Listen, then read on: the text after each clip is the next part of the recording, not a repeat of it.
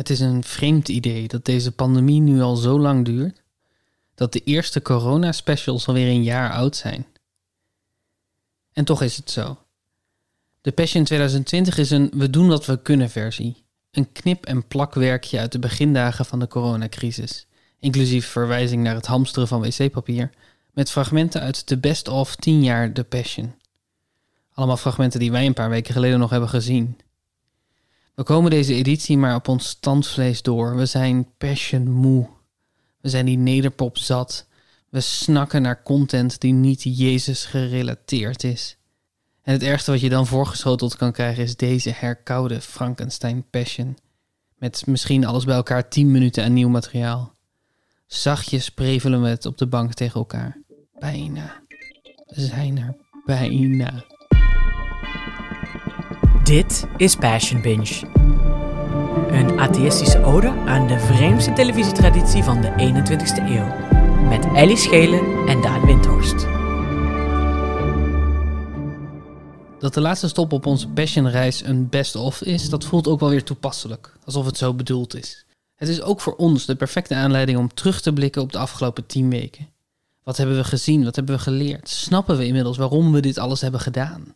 Het voelde niet eerlijk om dat een gast aan te doen, dus doen we het vandaag lekker met z'n tweetjes. Ik bespreek de 2020-editie van The Passion dus met niemand minder dan Ellie Schelen. Editie 10 van The Passion bestaat uit twee mensen op een verder leeg mediapark.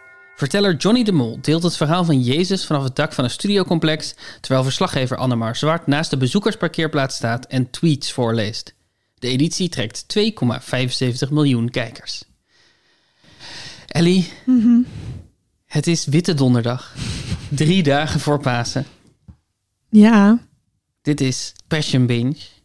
nummer 10. We zijn er eindelijk. We zijn er. We hebben ze allemaal gezien. Ja, En eh, inclusief deze, deze best of eigenlijk. Dat was het toch eigenlijk?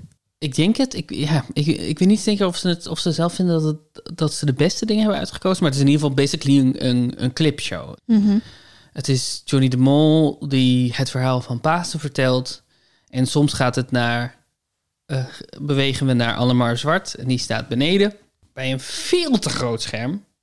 Ja. Ze Ze hebben, gewoon, hadden ze nog over, denk ze ik. hebben gewoon echt het scherm wat ze in Roermond... van plan waren om in Roermond neer te zetten... hebben ze gewoon op het Mediapark gezet. Ja, ja, voor niemand. Voor, niemand. Voor, voor een camera die daar weer beelden van maakt.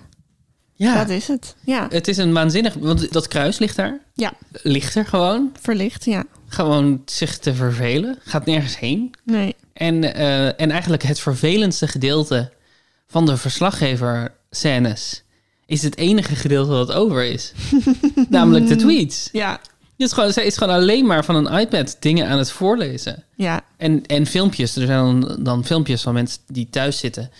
Eh, die hun ervaring delen over hoe het nu met ze gaat. ja. Die zij aan elkaar praat. Maar het is echt... Dat is wel, op zich ben ik daar wel blij mee dat ze niet alleen maar dingen hebben voorgelezen. En dat er ook filmpjes tussen zaten.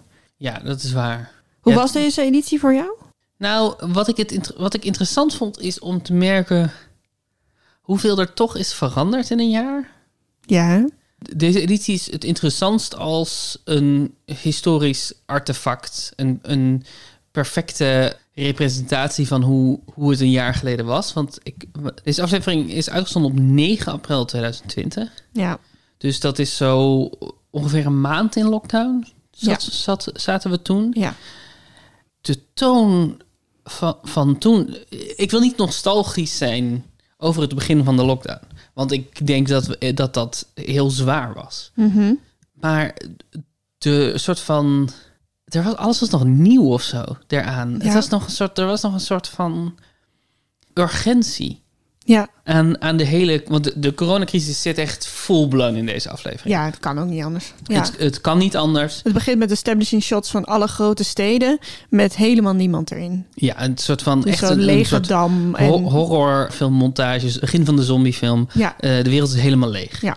Ja, en dan, eh, en dan bewegen naar het Mediapark dat het ook leeg is. ja, Op één man na die op het dak staat. Johnny de Mol. Johnny de Mol. Ja, ik moet zeggen dat ik er dus in het begin Mm. echt heel emotioneel van werd.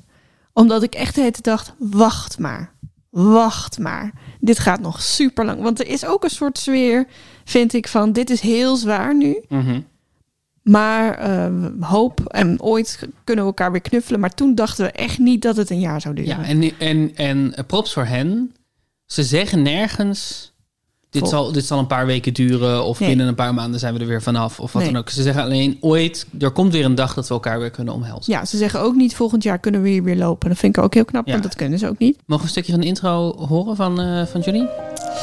Het is Witte Donderdag, 9 april 2020. Welkom in Roermond. Dat hadden mijn eerste woorden moeten zijn. Maar niemand mag zomaar zijn huis uit. En ook wij moeten thuis blijven in Hilversum. Vanavond heeft Nederland misschien wel meer dan ooit behoefte aan een verhaal over hoop, geloof en liefde. Juist nu voelt een eeuwenoud verhaal van opoffering ultiem actueel.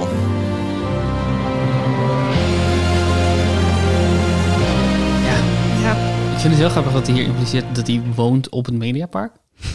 ja, ook wij moeten thuis blijven. Dus daarom sta ik hier op het dak van dit stu- studiocomplex. met, met drie onnodig grote schermen achter me. ja. ik vind wel dat Johnny de Mol dit eigenlijk heel goed doet. Ja, hè? Ja, dit is zo moeilijk om helemaal in je eentje... Terwijl er waarschijnlijk wel een aantal technici omheen staan. Maar om dit zo te dragen... Ja, het zijn er wel echt heel. eh, Als je kijkt naar de. Ze hebben nog steeds allemaal dronebeelden. Of de, of de grootste kraan van Hilversum. Ik weet niet welke van de twee. Maar ze hebben echt, echt luchtshots van dat helemaal lege mediapark. Ze Ja, hebben het, ja. Ik snap dat ergens wel, maar ik vind dat ook vreemd. Maar ze hebben het helemaal visueel aangepakt zoals de Passion normaal doen. Dus er staat Ja. daar een heel groot scherm op het mediapark. Ze hebben ook. Hij doet een stuk in die. ehm, de stationstunnel van, Mhm. eh, van het mediapark. En die hebben ze ook heel, heel heftig uitgelicht en zo. Ze hebben er echt hun best op gedaan. Ja. Maar eh, in de totaalshots van Johnny de Mol eh, zie je wel dat er maar echt maar één cameraman staat. Ja? Daar op dat dak. Ja, er staat verder eigenlijk vrijwel niemand. Ah, oké. De hele tijd. Ja, ik dacht wel met door die grote shots en, dat, en die schermen en zo dacht ik, ja, dat is natuurlijk, dat is al allemaal daar. Ja. Dus wa- waarom zou je dat niet gebruiken? Ja, I guess. Ja. En ja, je moet er toch iets visueels van maken ook, want en die cameraman, die ene cameraman, die is ook constant in beweging. Ja. Dus er is geen enkel stilstaand shot op Johnny. Johnny moet gewoon de hele tijd, ik mag hem Johnny noemen. Johnny moet de hele tijd van rechts. En dan loopt hij zo langzaam naar rechts. En dan moet hij door blijven praten. En dan opeens denkt de camera, nee, toch weer die andere kant op. En dan wordt hij zo. Dus het, het, het- het staat nooit stil. Het is heel erg gechoreografeerd ook. Ja. Het is heel erg afgesproken van... oké, nu ga je naar camera 3, nu naar camera... Terwijl, bedoel, basically heeft dit... Het heeft niet meer nodig dan, weet ik wel, America's Funniest Home Video's. Nee. Je hebt gewoon eigenlijk een, een studiootje nodig of een, een locatie, één scherm, camera, man die daar staat. Maar ze, ze hebben om een of andere reden ervoor gekozen om de, de visuele stijl van de Passion door te voeren. Ja. Ook al is die nergens voor nodig hier. Ze hebben hem ook zo'n zo'n microfoon op zijn gezicht ge- ge- ge- Ja. gegeven. Zo'n veel te opvallende microfoon. Ja. Die ze altijd hebben bij de Passion. Die, maar die hier natuurlijk niet voor nodig is. En er is een, nog een rol voor een derde speler.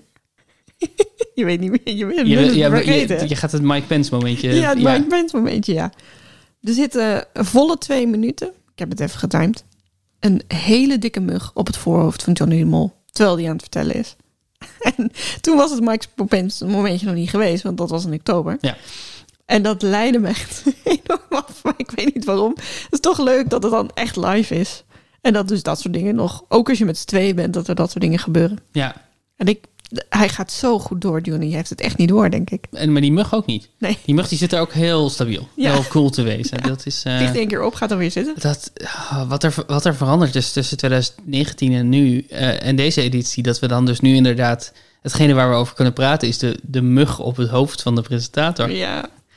Ehm, ik mogen we ook een stukje van de tweede intro van eh, Johnny? Ja, zeker. Ja, we hadden er met z'n allen zo naar uitgekeken. De tiende editie van The Passion vanuit de pittoreske stad Roermond. Maar een wereldwijde epidemie strooit roet in het eten. Dat heet een Alles pandemie. staat op zijn kop.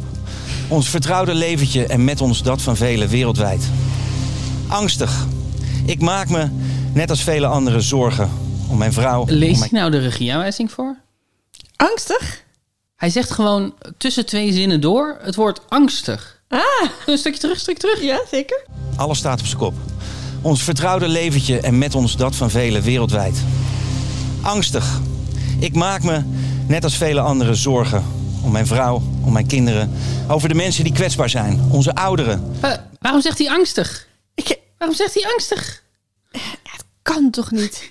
Dit is zo'n prof, Daan. Die gaat toch niet zo'n regieaanwijzing voor? Dus, Zaakjes. en zal, toch, Angstig. er zal toch niet daar op die prompt angstig staan? Nee, ik, nee. ik denk niet. Maar het is wel een raar woord in die zin. Het is, het is gewoon geen onderdeel van de zin. Er is gewoon angstig. Het is gewoon alleen, de zin is angstig en daarna komt er een nieuwe zin. Ja, ja. Angstig, punt. Angstig. Eh, zeg maar, angstig omschrijft een, een staat van zijn en niet een ervaring. Dus als hij daar eng had gezegd, had dat gekund. Weet je, je omschrijft eerst Ja, een situatie. oh, ja, ja, dat dus bedoelt je, je natuurlijk. zegt, ehm, eh, opeens is er een wereldwijde epidemie en dat is allemaal heel erg eng. Dat Mhm. Ja. kan. Of angstaanjagend. Ja. Of verontrustend. Maar angstig kan daar niet. Nee, angstig. Nee, Angstig. Dat, nee, dat kan helemaal niet. Het is heel duidelijk dat hij... Hij heeft zijn eigen tekst herschreven. Hij heeft heel, volgens mij heeft hij een heel dikke vinger gehad in zijn eigen pap. Dat denk ik ook. In zijn eigen pap. een heel dikke vinger gehad in zijn eigen pap. Eh, hij trekt het best wel persoonlijk. Hij heeft het zelfs over zijn eigen moeder eventjes. Dat hij, die die Ja, ja. spreekt hij ook nog even aan. Hij doet het goed aan zijn moeder. Mogen we dat horen? Ja, En wij kennen zijn moeder ook. Dat, is het ook. dat maakt het ook ingewikkeld. We weten wie zijn moeder is. wie is dat? Wie is zijn moeder? Wie is de moeder, wie is de moeder van Johnny de Mol? De vrouw van John Mol? De vrouw van John de Mol. Oh, misschien nu niet meer trouwens. Nee, ze zijn absoluut niet meer samen. Maar eh, dat is eh Willeke Alberti. Oh, echt joh? Ja, de moeder van Johnny de Mol is Willeke Alberti. Oh, dat wist ik echt helemaal niet. Is dat heel... Is dat... Dat is natuurlijk algemene kennis. Het is wel algemeen bekend, ja. Nou, dan... Johnny die even iets tegen Willeke wil zeggen. Ik zei het net al, de komst van Jezus maakt veel los. En de mensen lopen massaal uit. We kunnen er ons al bijna niks meer bij voorstellen... want ze hadden vandaag hier op straat in Nederland... zelfs allemaal een dikke boete gehad wegens samenscholing. In de Bijbel kan je lezen dat de aandacht van Jezus vooral uitgaat... naar de mensen die er niet bij lijken te horen. Die met de nek worden aangekeken. De zwakken, de armen, de mensen die ziek zijn aandacht hebben voor een ander, dat kunnen we eigenlijk allemaal. Even een kaartje sturen, facetimen met je oma of de boodschappen neerzetten bij je buren. Het maakt een wereld van verschil. Dus mam, even voor jou, voordat je denkt... hé, hey, en je eigen moeder dan, ik bel je na de uitzending... en ik hoop dat wij ook binnenkort weer gewoon samen kunnen zijn. Ja, ik, ik vind het wel lief. Ik denk dat hij dit echt meent. Ik denk, ik denk dat hij het wel meent. Mhm. Dat, dat denk ik ook wel. Ik, denk, ik vind het gewoon... Het is een beetje vreemd als je, als je je richt tot 2,75 miljoen mensen... om dan daartussendoor iets te zeggen wat alleen voor je moeder is. En op zich doen mensen dat wel vaker natuurlijk. En het, is ook, het werkt ook best ontroerend. Maar dat vind ik er ook irritant aan, dat hij ook weet dat het ontroerend is. Ja, Ach, Johnny. ja. Onze Johnny. Overigens, Willeke Alberti scoorde natuurlijk een enorme hit met Samen zijn. Mm. Eh, een liedje uit de kinderserie eh Pompie de Robodol. Wist je dat? Nee, Samen zijn komt uit Pompie de Robodol. ik wist, ik, samen zijn doet wel een belletje rinkelen, maar dit, dit programma heb ik er nooit van gehoord. Het weesjongetje Danny ligt in het ziekenhuis. Daar krijgt hij van de uitvinder professor vriendelijk een heel bijzonder cadeau. Een uit sardineblikjes omgebouwde robot genaamd Pompie de Robodol. Ehm, Nee, ja, ik, ik vond het dus... eh, Ja, ik was denk ik gisteravond, toen we dit keken, een beetje emo of zo. Mhm. Maar dit soort dingen, eh, ook de hele tijd die nadruk op hoop... en de initiatieven die er nu allemaal ontstaan. Dat ik echt zo dacht, al die initiatieven liggen nu alweer op hun gat... en iedereen heeft alweer een hekel aan elkaar. En we gaan gewoon door. Weet je wel, die liefde en die soort van omkijken naar je buren en zo... dat is echt zo verdwenen, terwijl we nog steeds in lockdown zitten. En dat vond ik ook heel heftig om te, om ja, te merken. zeker. Ja, dat had ik ook heel erg. Dat er in, in de eerste maanden van de eerste lockdown veel ruimte was, veel focus was op emotioneel welzijn. Ja, En op, op inderdaad zorgen voor elkaar. En op wat raar is dit, hè? ja, En dat is ook ergens wel logisch. Dat, dat al die dingen zijn op een gegeven moment wel gezegd, weet je wel? Dat, Ja. En ik denk, ook dat het voor veel mensen fijn is. Dat, want dat, dat viel me nu ook op. Dat, dat ik in die tijd leek heel veel televisie op elkaar. Omdat eigenlijk alle televisie bestond uit... Alle televisie die nog gemaakt kon worden... bestond uit mensen die zichzelf filmden in hun woonkamer. En dan videoberichten deden. Weet je wel, Ja. frontberichten. Wat zijn frontberichten precies? Oh, Frontberichten was een, is een programma, ik weet niet, het was een heel populair programma in de, ik weet niet of ze het nu nog maken, maar in de eerste lockdown, waarin ze mensen, eh, dokters en eh, verpleegkundigen en wat dan ook Oh. volgden, die dan in videoberichten vertelden hoe het ging. Het eerste front. Zo, front. Ja, ja, ja, ja, berichten van het front. Ja, ja. Dit, dit zat daar ook vol mee, met mensen die thuis zaten en dan, weet je een huisarts die dan zegt dat hij zich zorgen maakt. En dat hij zich afvraagt of we er, hoe we hieruit gaan komen. Maar dat hij gelukkig Jezus heeft in zijn leven. Ja, Ehm, wat ik toch gek vind voor een huisarts. Maar hey. Die zijn er natuurlijk ja, ook. we hebben nu veel gele- geleerd over het geloof. Ellie. We, zijn, we zouden daar nu toch ehm, toleranter voor Ja, moeten dat, zijn. daar zijn we, daar ben ik ook wel toleranter voor. Maar toch, we- oh ja, oké. De- deze aflevering heel, heel duidelijk gekozen voor twee thema's eigenlijk. Namelijk angst en hoop. Dat wordt Mhm. de hele tijd gezegd. Eh, het is ook Geef mij nu je angst, denk ik. Is- Ja, tien jaar de passion. Geef mij nu je angst. Ja, precies. En ik vind dat wel mooi, dat, ze, dat het niet alleen maar wegen hoop is, maar dat er ook best wel mensen hun angst durven te delen. Ja. Maar het, het, het blijft ook de hele tijd jong leren met die woorden. Het is de hele tijd, ja, en naast de angst ook de hoop. En naast de angst. Ja, dat. Ik, ik denk dat dat heel erg waar is. Maar ook dat ik wel merk dat ik nu tegen de grens aanliep van hoe, hoezeer je het verhaal van Jezus kan uitrekken en transformeren totdat het over het nu gaat.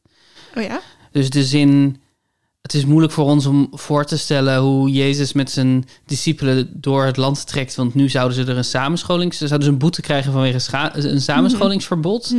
Dat, dat, daar was ik, toen kwam ik wel op het punt dat ik dacht, ja, eigenlijk wil je nu misschien wel andere verhalen vertellen. Maar dat is misschien ook vanwege onze moeheid na een jaar lockdown.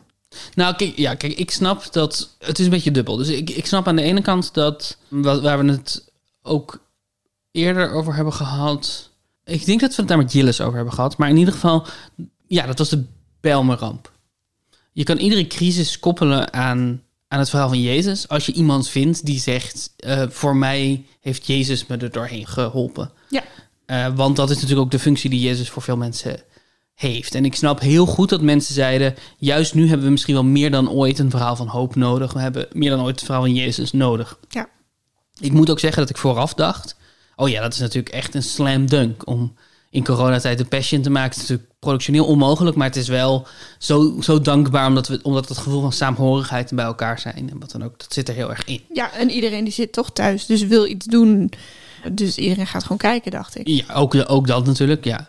Maar nu, toen ik hem zag, dacht ik, ja, maar het verhaal van, van Jezus gaat ook over hoe we actief de wereld beter moeten maken. Mhm. Het gaat over onrecht, het gaat over een man die niet begrepen is. Gaat, over, gaat ook over allemaal dingen die nu op een bepaalde manier stilstaan. En, Ja. en eigenlijk ehm, in april 2020 nog veel meer stilstonden dan dat ze nu stilstaan. Want we hebben nu in ieder geval weet je wel, verkiezingen gehad en zo. Dat, dat, gaat, dat gaat al meer over die dingen.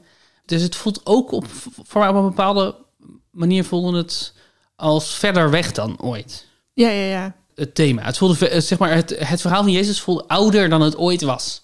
In Ah, ja. deze editie, voor mij. Oh ja. Ik, ik snap wel wat je zegt. Ik vond eigenlijk de liedjes heel goed werken. Omdat daar Mhm. natuurlijk vaak ook een soort van... In algemeenheden wordt ge- gepraat over hoop of over verlies.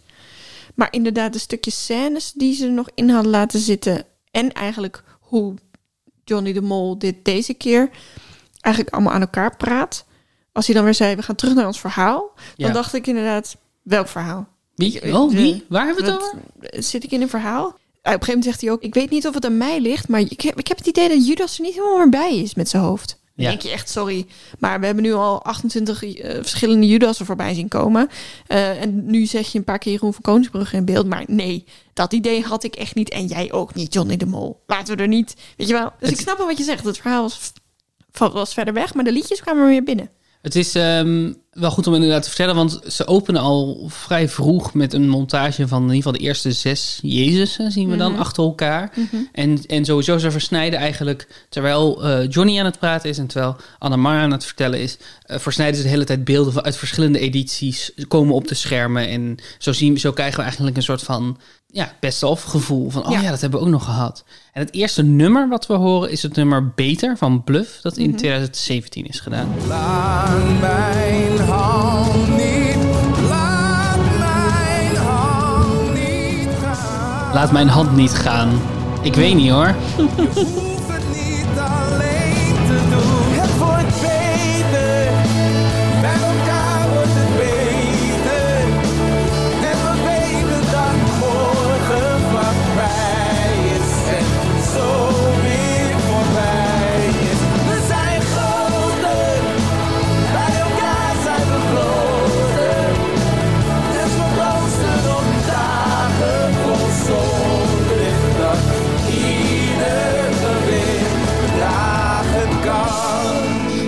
dus op, op een bepaalde manier een heel logische om mee te beginnen. Het Want- wordt beter. Het wordt beter. Ja. Eh, dat betekent ook. eh, oh, ik word er bijna ontroerd van. Eh, dat betekent ook veel meer iets nu eigenlijk dan het, dan het in 2017 eh, was. Want natuurlijk, voor de duidelijkheid, er was ook in 2017 nog heel veel wat beter moest gaan worden. En waar je op hoopte dat het beter werd. Maar als iemand nu tegen me zegt: het wordt beter. Niet alleen heb ik dat veel meer nodig als boodschap, maar ik geloof het ook veel meer. Ja, Want ik ja, weet, het wordt beter. Dan vervolgens zit er wel meteen naar de zin in, met elkaar wordt het beter. Wat ook weer een beetje een pijnlijke boodschap is om naar mensen te zingen die allemaal afzonderlijk van elkaar in hun huis zitten. Met elkaar wordt het beter. Maar Ja, Je kan moeilijk een nieuw liedje bij elkaar knippen en plakken. nee, dat is, dat is ook zo. ik, het, ik denk dat mijn punt gewoon is dat sommige dingen, dat, dat dingen andere betekenis aannemen in deze ja, tijd. zeker. Eh, en als Jezus, Dwight Dissels in dit geval, zingt, eh, laat mijn hand niet gaan. Je hoeft dit niet alleen te doen, laat mijn hand niet gaan. Ja, Ja, ik zou graag willen. Ik zou graag willen, Dwight. Ik wil je een hand geven, maar eh, het wordt ehm, een elleboog. Overigens, meteen verheftigd door het tweede nummer wat ze instarten. Eh, ook bluff. We openen met Ja. twee keer bluff. twee keer bluff inderdaad. Terwijl ik het idee dat bluff eigenlijk een beetje ondervertegenwoordigd is in de hele Passion. Vind ik hem, zijn ze oververtegenwoordigd in de 10 jaar Passion. Want we hebben drie keer bluff in deze, in deze special. Ja. En we hebben maar één keer Marco. Ja, maar Johnny zegt ook dat het eh, met de keuze van het publiek. Dus dat er is ook een soort van stemronde geweest. Oh ja. Dus, en ik denk dat bij het grote publiek die bluffliedjes toch wel echt hard binnenkomen. Harder dan de onbekende Marco-nummers. Harder dan we hebben kunnen. Ja, precies. Wil je even een stukje? Stukje hou vol? Ja. Hou vol, hou vast. Er is altijd nog mijn arm die om je heen past. En altijd nog mijn schouder die je recht houdt. Al is het maar voor even.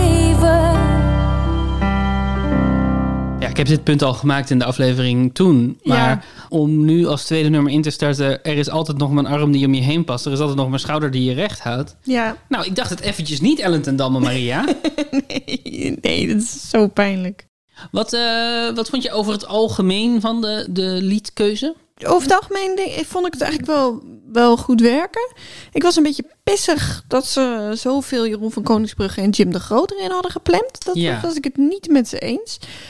En ik miste Martijn Fischer heel erg, eigenlijk. Ook in alle montages. Hij zat echt, ik denk dat ik zijn gezicht twee of drie keer heb gezien. Maar alsof hij heeft gezegd van, nou, tone it down op de Martijn Fischer. Ja, dat klopt wel. Hè? Ja, dat, het is wonderlijk, want nou, misschien is het niet wonderlijk als mensen daadwerkelijk hebben meegestemd. Want hoewel de 2015-editie, dus de Jim de Groot-editie, eh, f- wat ons betreft by far de slechtste was, eh, was het ook de best bekeken. Ja, ja. Dus dat kan een rol spelen daarin. Nou ja, Witte Licht was natuurlijk... Dat, dat had ik al van tevoren gedacht. Als ze een Judas nummer gaan doen, dan gaan ze Wit Licht doen van eh Jeroen van Koningsbrugge. Het is niet van hem, het is van Marco. Marco. Het is het enige Marco. Nee, het is niet de enige Marco die erin zit. Oh, er zitten dus twee Marco's in. Ah ja. Er zitten drie Marco's in. Er zitten drie Marco's in. Er zitten vier Marco's in. Vier... Oh, het wordt steeds meer. Er zitten, volgens mij zitten er vier Marco's in. Wacht. Ik weet niet waarom ik zo slecht naar deze lijst heb gekeken vooralsnog. We hebben Wit Licht. We hebben Wat is mijn hart. Oh ja, die vind ik ook goed, goed gekozen.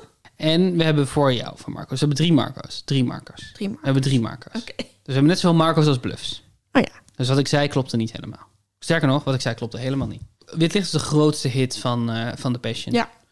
geweest. Dus dat, die moest er wel in. Ja. Eh, maar, uit, maar uit die editie hebben ze ook gekozen... Mag ik dan bij jou? Jim Ja. de Groot en Jeroen van der Boom. Ja, dat vond ik echt niet vrij. Maar goed, dat nummer is natuurlijk super populair. Ja, dat is, maar, dat, maar het is inderdaad geen goede... Jeroen van der Boom is niet per se een goede Petrus. Nee. Eh, Jim de Groot is niet per se een goede Jezus. Nee. Die locatie is niet per se heel interessant. Dat is Nee. de TU Twente. Ja, maar het soort van... Het ziet Ja. eruit als een Het garage. is een soort loodsgebouw, ja. Ja. Eh, en dat stukje acteerwerk, daar gaan wij even naar luisteren. Oké, ja.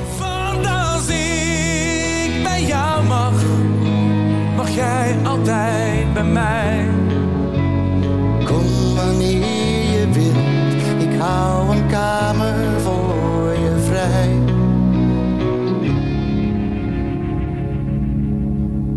Als het einde komt en ik dan bang ben, mag ik dan bij jou? als het einde komt en ik alleen ben, mag ik dan bij jou?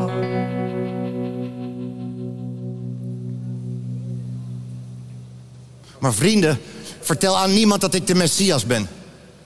Ik moet naar Jeruzalem gaan. Daar zal ik veel moeten lijden. De leiders van het volk en de priesters zullen me doden. Maar drie dagen later zal ik opstaan uit de dood. Zeg dat niet! God zal u beschermen. Dit mag niet gebeuren. Achteruit jij. Hou me niet tegen. Jij denkt aan wat mensen willen. Niet wat God wil. Tja, Petrus. Tja, Petrus. Ja, dat is wel elke keer als we uit zo'n scène of een liedje komen, begint Johnny de Mol exact hetzelfde. Elke Ja, Het is een trucje om, het, eh, om natuurlijk je eerste presentatietekst in te komen... door eerst een soort van incasseringsgeluid te maken.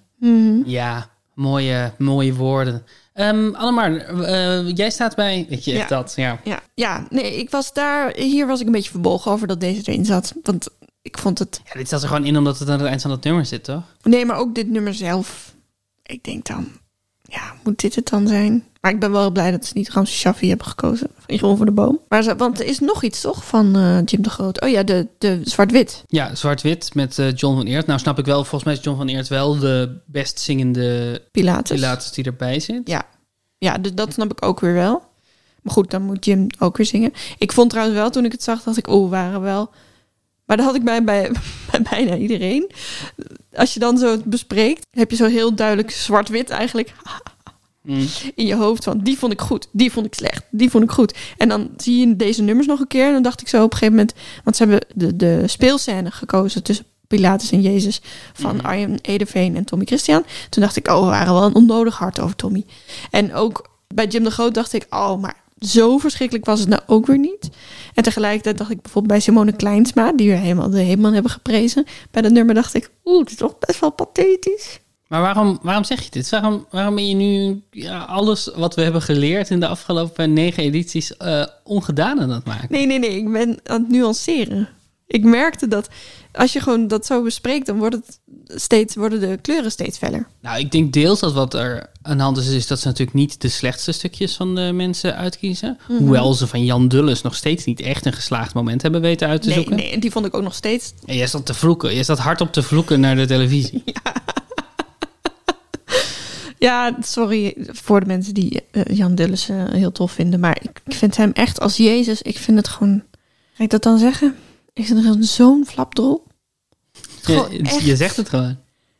Het is, ik weet niet, maar zo totaal geen charisma en zeurderig. En dat haar zit heet het voor zijn ogen. Er is gewoon iets waardoor ik het denk, man, zout eens op. Ja. En dat is echt niet wat je wil van Jezus. Nee. Ja, hij, hij mag wel iets zingen, terwijl René van Koten niks mag zingen. Ja, ja. En inderdaad, eh, Martijn Fischer niks mag zingen. Ik denk dat we Tommy Christian ook... Die heeft, eh, wie heeft de zon uit jouw gezicht gehaald? Gezongen? Ze konden ook niet alle Jezusen laten horen, want ze moeten ook nog een nummer van Petrus en een paar Maria's laten horen. Tuurlijk, er moesten keuzes gemaakt worden, maar dat ik zo vaak naar Jim de Groot en eh, Jeroen van Koningsbrugge moet kijken.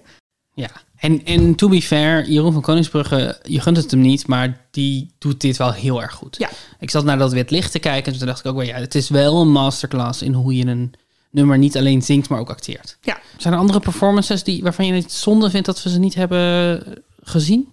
Nou, ik baalde dus een beetje van welk nummers van Simone Kleinsma hadden gekozen. Mhm. Eh, dat duet met Jan Dulles. Ik dacht echt, nou, zij is mijn favoriete Maria. Sowieso. Ja. En toen zag ik dat nummer en dacht ik, oh, ik vind het echt een beetje zeikerig eigenlijk. ja, maar het nummer is gewoon niet goed. Nee, dat is het, hè? Dat nummer is Hou van mij van de drie J's. Dus een van de eerste keren ook volgens mij dat iemand zijn eigen nummer zingt. Ja. En het is gewoon echt zeurderig. Het is gewoon echt een zeurderig nummer. Want ik hou van jou, geloof me nou. Al wat leeft, dat weet dat ik niet zonder jou leven kan.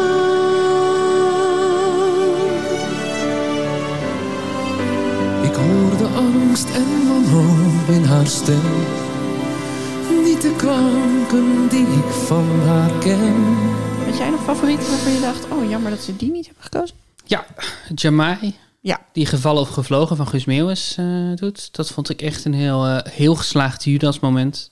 Ja, dat, ging, dat is hetzelfde moment als het wit lichtmoment. Dus dat ging Ja. sowieso verliezen. Maar dat is toch heel, eh, heel sneu, vind ik. Ja. En Mark van Eeuwen, die met Martijn Fischer de dag zal komen. Mm. Van Stef Bos. Ja. Dat is gewoon dat is een heel toepasselijk lied. En het is gewoon een heel, heel geslaagde performance ook, vind ik. Ook, dat vond ik ook jammer dat hij er niet, eh, niet bij zat. We hadden wel brainpower. Ja. En misschien Henk Poort. Ja. Ik denk dat ik Henk Poort ook wel een beetje miste.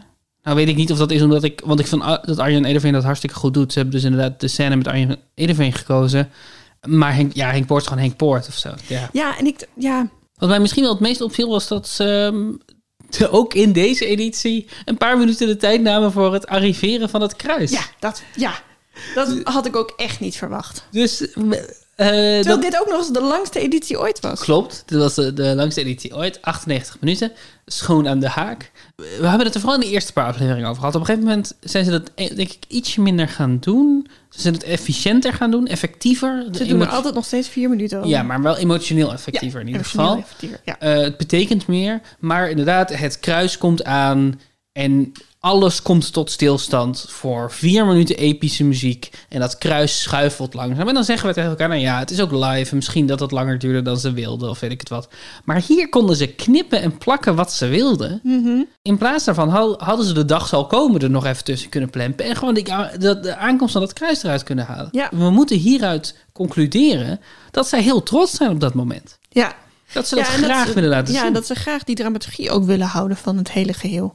Ja, Dit moment verbaasde me inderdaad ook. Maar voor de rest dacht ik, nou, ze zullen wel gewoon dezelfde lijn aanhouden. tuurlijk. Ze hebben ook gehouden dat Judas spijt heeft. Zodat ze dan ook dat duet van Django McCoy erin kan, kunnen gooien. Ja, dus het, het eh, in 2017 toegevoegde... eh, ik heb spijt, ik heb iemand verraden die het niet verdient moment... zit Ja. er nu ook in. En dan daar gebruiken ze het, het Django moment in de, in de bel... maar waarbij hij Hazes doet en Jezus Herman van Veen... Ja. en Brainpower Brainpower. Ja, maar ze hebben ook... Ze hebben niet de scène toegevoegd, dat kan natuurlijk niet. Maar ze hebben wel een nieuw element toegevoegd. Hebben we het over de droom van de vrouw van Pilatus? Ja. Laten we even luisteren. Jezus is door de religieuze leiders van het volk uitgeleverd aan Pilatus, de vertegenwoordiger van het Romeinse keizer. Pilatus is de enige die beslist of Jezus zal worden vrijgelaten of dat hij ter dood zal worden veroordeeld. Maar die beslissing valt hem zwaar. En eigenlijk kan hij in Jezus geen kwaad ontdekken. Pilatus is door zijn vrouw gewaarschuwd. Ze heeft een droom gehad die veel indruk op haar heeft gemaakt. En ze drukt hem op het hart: veroordeel Jezus niet. En tegelijk voelt Pilatus de druk van de leiders van het Joodse volk. Ze kunnen de stemming in het land heel snel doen omslaan. En daar zit deze populist niet op te wachten. En dus komt Pilatus met een briljant plan. Hij laat het over aan de groep mensen die door de Joodse leiders op de been zijn gebracht. En zij mogen kiezen tussen Jezus en een veroordeelde moordenaar met veel op zijn kerfstok. En dan kan Pilatus zich mooi verschuilen achter wat de massa wil en zo Jezus toch vrijlaten. Maar dat loopt niet helemaal zoals gepland. Denk jij dat dit een voortelefoneeractie is? En dat ze dit jaar deze vrouw van Pilatus een rol gaan geven? Oh, dat is een goede vraag. Dat weet ik niet. De kans is heel groot dat het in ieder geval wel in Johnny's presentatietekst voor Roermond ook stond. Ja. Dus ze gingen het sowieso vertellen. En dit is weer zo'n geval van... waarom heb je dat niet veel eerder gezegd? Ja. En het is precies hetzelfde als met de, de Judas-kus. En toen we erachter kwamen hoe dat in elkaar zit. Dat maakt... Dat, geeft, dat heeft zoveel dramatische potentie. Ja. Ik heb nooit helemaal begrepen hoe het nou zit met, met dat eh, een misdadiger en willen jullie Barabbas of willen jullie Jezus en, eh, en hij is een man van het volk en hij was zijn handen in onschuld. Ik heb daar al meerdere verklaringen voor gehoord van mensen die deels een soort van het is een populist. Hij wil, hij wil zijn handen wassen in onschuld, dus hij laat het volk kiezen, maar hij wil eigenlijk dat Jezus wordt veroordeeld, maar hij, hij is nou helemaal een hypocriet of hij is iemand die, die maar dit is super logisch en super spannend. Ja. Hij wil Jezus niet veroordelen, maar hij wil niet gezien worden als een watje. Ja. Dus hij zegt: We laten aan het volk, ik schrijf een referendum uit. En, het, en ervan uitgaan dat het volk de goede keuze maakt. Ja, en kennelijk is het met Paas altijd zo dat er één iemand vrij Dit is fucking Brexit, is dit. zij wilden, zij wilden die Brexit-types, die wilden helemaal niet weg, helemaal het Verenigd Koninkrijk niet, niet weg eh, uit de EU. Maar ze dachten, we moeten dat op de een of andere manier, tenminste, dat ligt er een beetje aan wie je, eh, wie je neemt. Maar Cameron, die, die het referendum heeft uitgeschreven, die ging er gewoon vanuit dat de uitslag van het referendum gewoon zou zijn. We blijven. En dan had hij, dan had hij gedaan wat hij had beloofd. En dan Ja. kon, hij toch, kon hij toch gewoon Zie door. het, volk, eh, het volk wil toch Ja. dat we blijven, dus we gaan blijven. Ja, je hebt gelijk. Die laatste is Cameron.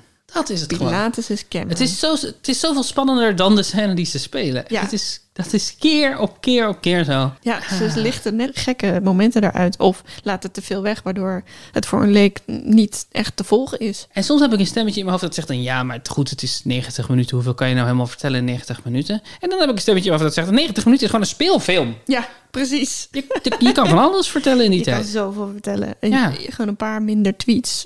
Ellie, Ja. is er iemand...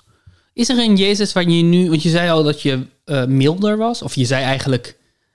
"Lu- Lieve luisteraars, we hadden het de hele tijd fout. Deze podcast betekent niks. Nee, dat bedoel ik niet. Ik, bedoel, Maar- ik wilde een beetje. Ik merkte dat ik, dat ik genuanceerder ging nadenken over terugblik. Wat is, eh, wie heeft je het meest verrast bij deze terugblik? Danny de Munk. Namelijk editie 2, Ja. Rotterdam. Mhm. Hij doet dat echt zo eigen. Valt de avond met zijn sterrenpracht. En er is niemand die jouw leed verzacht. Dan hou ik duizend jaar voor jou de wacht. Tot jij mijn liefde voelt. Ik weet wel dat jij nog vol twijfel zit. Maar bij mij krijg jij het fijn. Ik weet niet, ik vind dat, dat die thriller die hij doet met zijn stem, Mhm. die is zo on-Jezus en zo ontzettend Danny de Munk. Ja. En dat vind ik zo leuk dat hij dat gewoon doet. Dat hij gewoon niet denkt, oh, ik moet een soort, soort vanille versie van mezelf zijn. Nee, ik ben Danny, de Munk en Danny de Munk ga je ook krijgen. En het Ja. is wonderlijk dat in deze eh, eh, clip, bij deze beelden, liggen dus al zijn vrienden om hem heen te slapen. Aan Mhm, de- Frans Bauer. Frans Bauer als Petrus. En Frans Bauer is dus in staat om, terwijl hij speelt, dat hij slaapt op de grond en ergens in beeld is, in een hoekje, meer aandacht te vragen qua beeld dan Danny de Munk die daar op een olievat zit te zingen. Ja.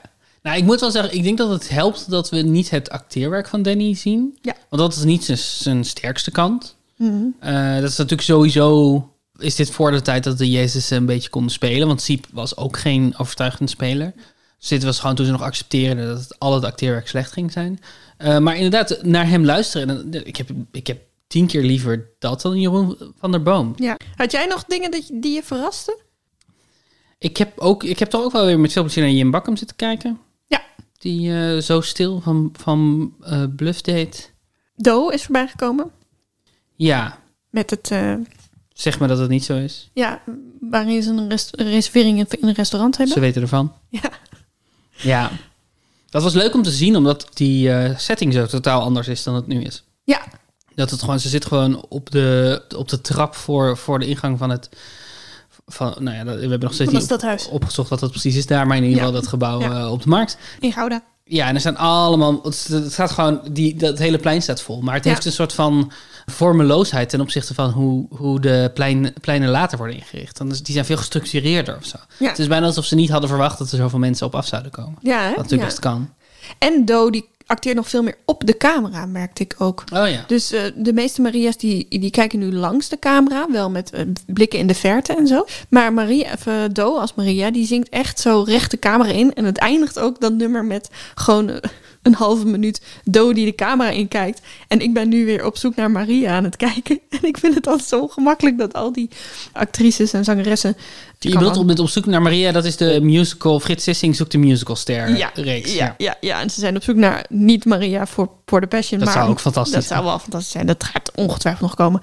Eh, nee, Maria voor Sound of Music.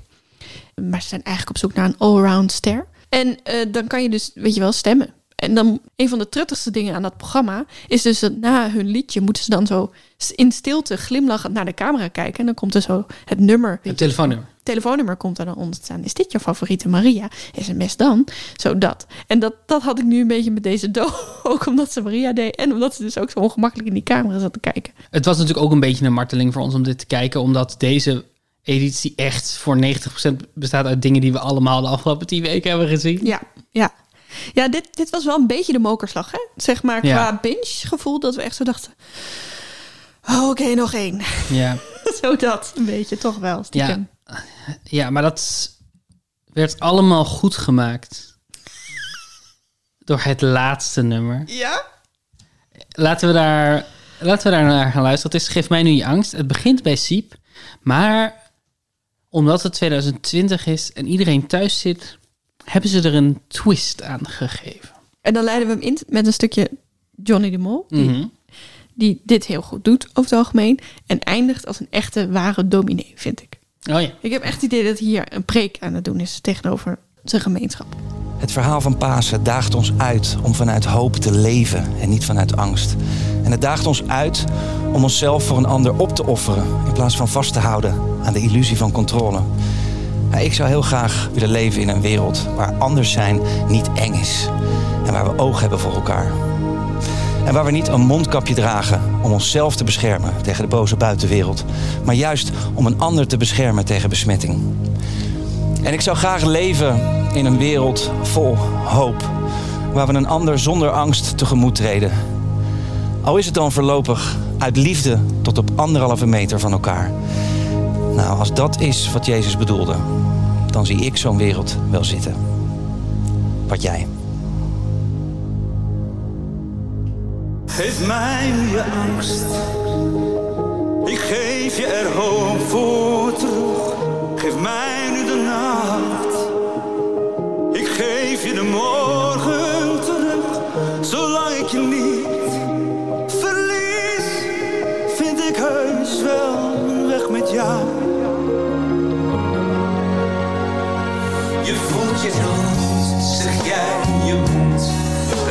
begint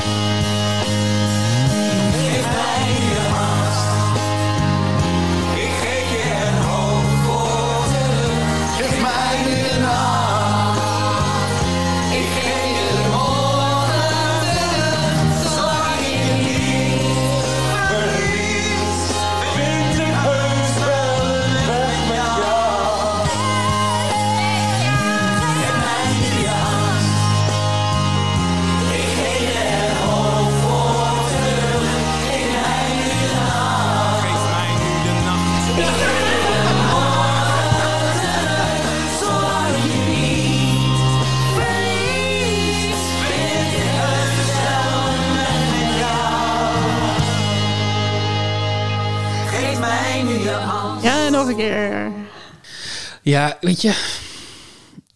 Bij deze hele. Want wat we dus zien is we zien. eh Siep. Mhm. Eh, dan zien we allemaal hokjes Ja. van mensen. Zoals we dat heel veel hebben gezien het afgelopen jaar. Die allemaal afzonderlijk aan het meezingen zijn. Via Zoom. Ja, maar Ja. ook eh, mensen in ziekenhuizen, Ja. ambulance-medewerkers, eh, supermarktmedewerkers.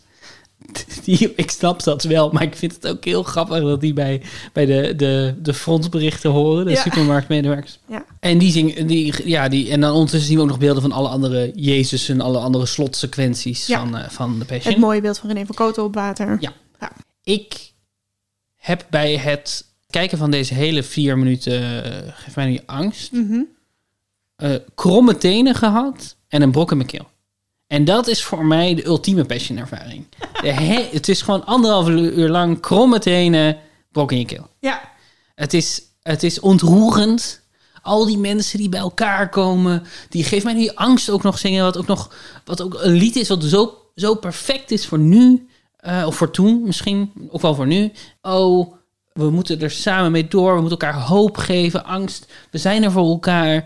Het, het- het- eh, al die mensen in hun huis die er niet bij kunnen zijn, die er graag bij hadden willen zijn. Herkenbare gezichten. Hé, hey, daar is Robert ten Brink. Ehm, en tegelijkertijd is het gewoon tering lelijk. Ja. Het is vals, het is, het is uit het meteren. Mensen, mensen eh, vallen op het verkeerde moment in. Gewoon doordat mensen net een ander, Ja. eh, andere beklemtoning pakken, ehm, werkt het niet. Het is heel vervelend om naar te moeten luisteren. Ja. Eh, en er zitten gewoon mensen bij die niet kunnen zingen, Mhm. natuurlijk. Eh Brainpower die dan een stukje...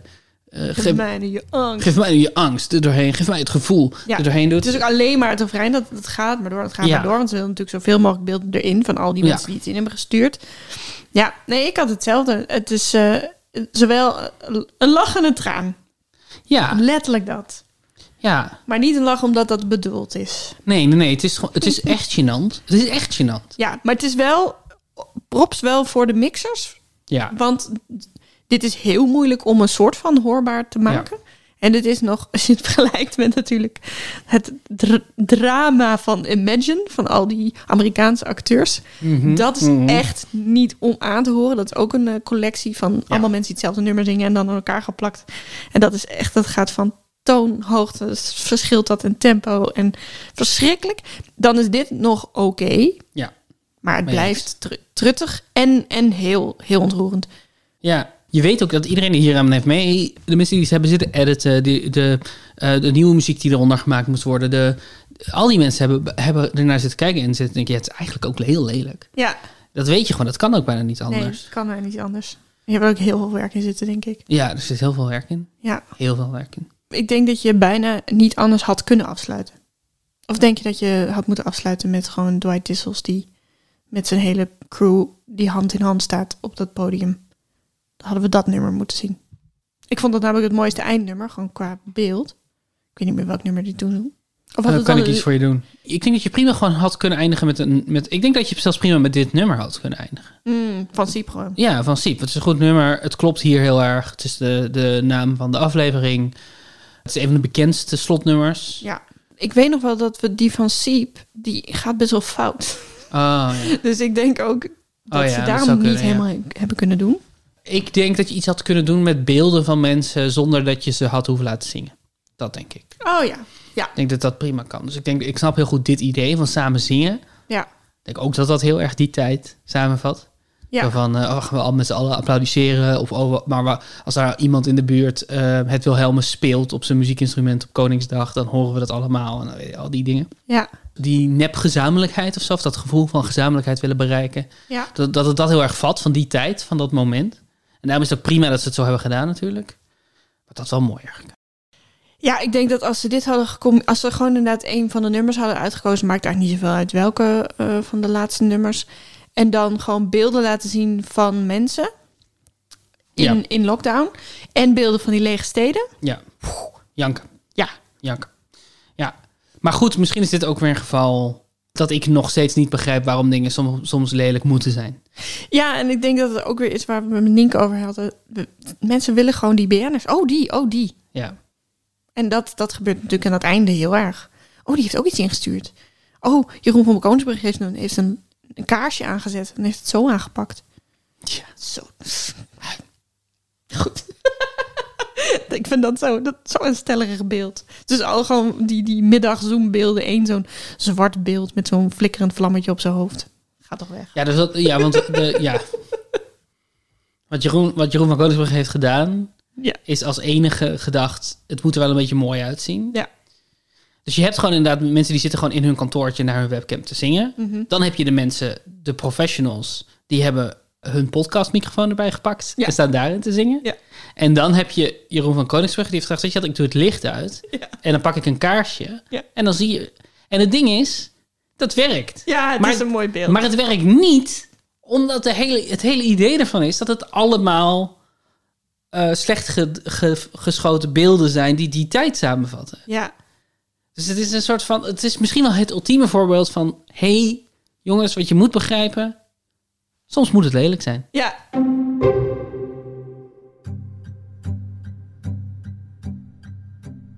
In de podcast Drie uur s'nachts benaderen we het moment waarop je wakker wordt. Je bent alleen. Alles ligt nog stil. Je ademhaling gaat op en neer, net zoals je gedachten.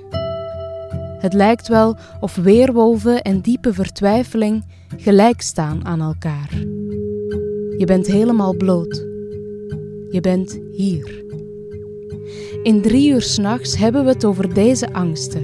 Twijfels, zorgen, taboes, precies dat piekeren. In de eerste editie maken we vijf afleveringen over de leugens die we vertellen. Tegen onze geliefde, dat ik het niet zo heel problematisch vind dat je ook sommige dingen niet zegt. onze kinderen Ja, je moet altijd eerlijk zijn. Ik wil niet dat je tegen me liegt. En ondertussen heb jij in je achterhoofd een stemmetje van... Ik lieg voortdurend tegen jullie. onze vrienden, onze artsen Als ik niet kan lopen en iemand zegt er is niks aan de hand, dan is mijn constatering zij denkt dat ik lieg. en onszelf. Dit alles muzikaal ondersteund door Axel Lukien en geïnitieerd door Watershed. Wij zijn Juliet Gagnon, Mirjam van Dijk en Corinne Heijerman. Wij gaan op onderzoek uit in de goede leugen. Te beluisteren op alle podcastkanalen. Erewoord. Daan, Ja. ik dacht, het is leuk denk ik om, een, eh, om onze lijstjes favorieten te vergelijken. Mhm, Dus- mhm, mhm. We hebben natuurlijk nu tien verschillende, nee, is niet waar, negen verschillende Jezusen, vertellers, verslaggevers, en iedereen gehad. M- Misschien moeten we beginnen. Misschien moeten we aan de andere kant beginnen. Gewoon om, om een soort opbouw. Oké, doen. oké, Is dat leuk? Ja, dat is leuk. Dus dat we beginnen bij verslaggever. Of, Ik denk dat de lijst met verslaggevers de moeilijkste is. Voor mij in ieder geval. Ja, want ik dacht ook bij heel veel namen, eh, wie, welke was dat ook alweer? Dus de verslaggevers die we hebben gehad: Hanna Verboom, Antoinette Herzenberg, Renate Kerstanowitz, Lieke van Lexmond, Bridget Maasland, Sophie van den Enk, Keva Alouche, Bert van Leeuwen, Klaas van Kruistum en Annemar Zwart. Kijk, Annemar Zwart heeft natuurlijk niet echt gedaan wat de rest wel Nee, moest. klopt. Dus die, een beetje een subcategorie. Ehm, ik heb opgeschreven Bert van Leeuwen. Hmm. Omdat hij, en dat was eigenlijk door iets wat jij had gezegd, maar hij heeft dat gesprek met die Surinaamse mevrouw die haar kinderen is verloren. Ja. En dat is denk ik een van de mooiste momenten in alle Passions. En ik, dat doet hij best goed. maar het is een rol waar we er heel veel over gehad hebben. Ja. Het blijft moeilijk. Ik, mijn neiging is om voor Antoinette Herzenberg te gaan. Oeh.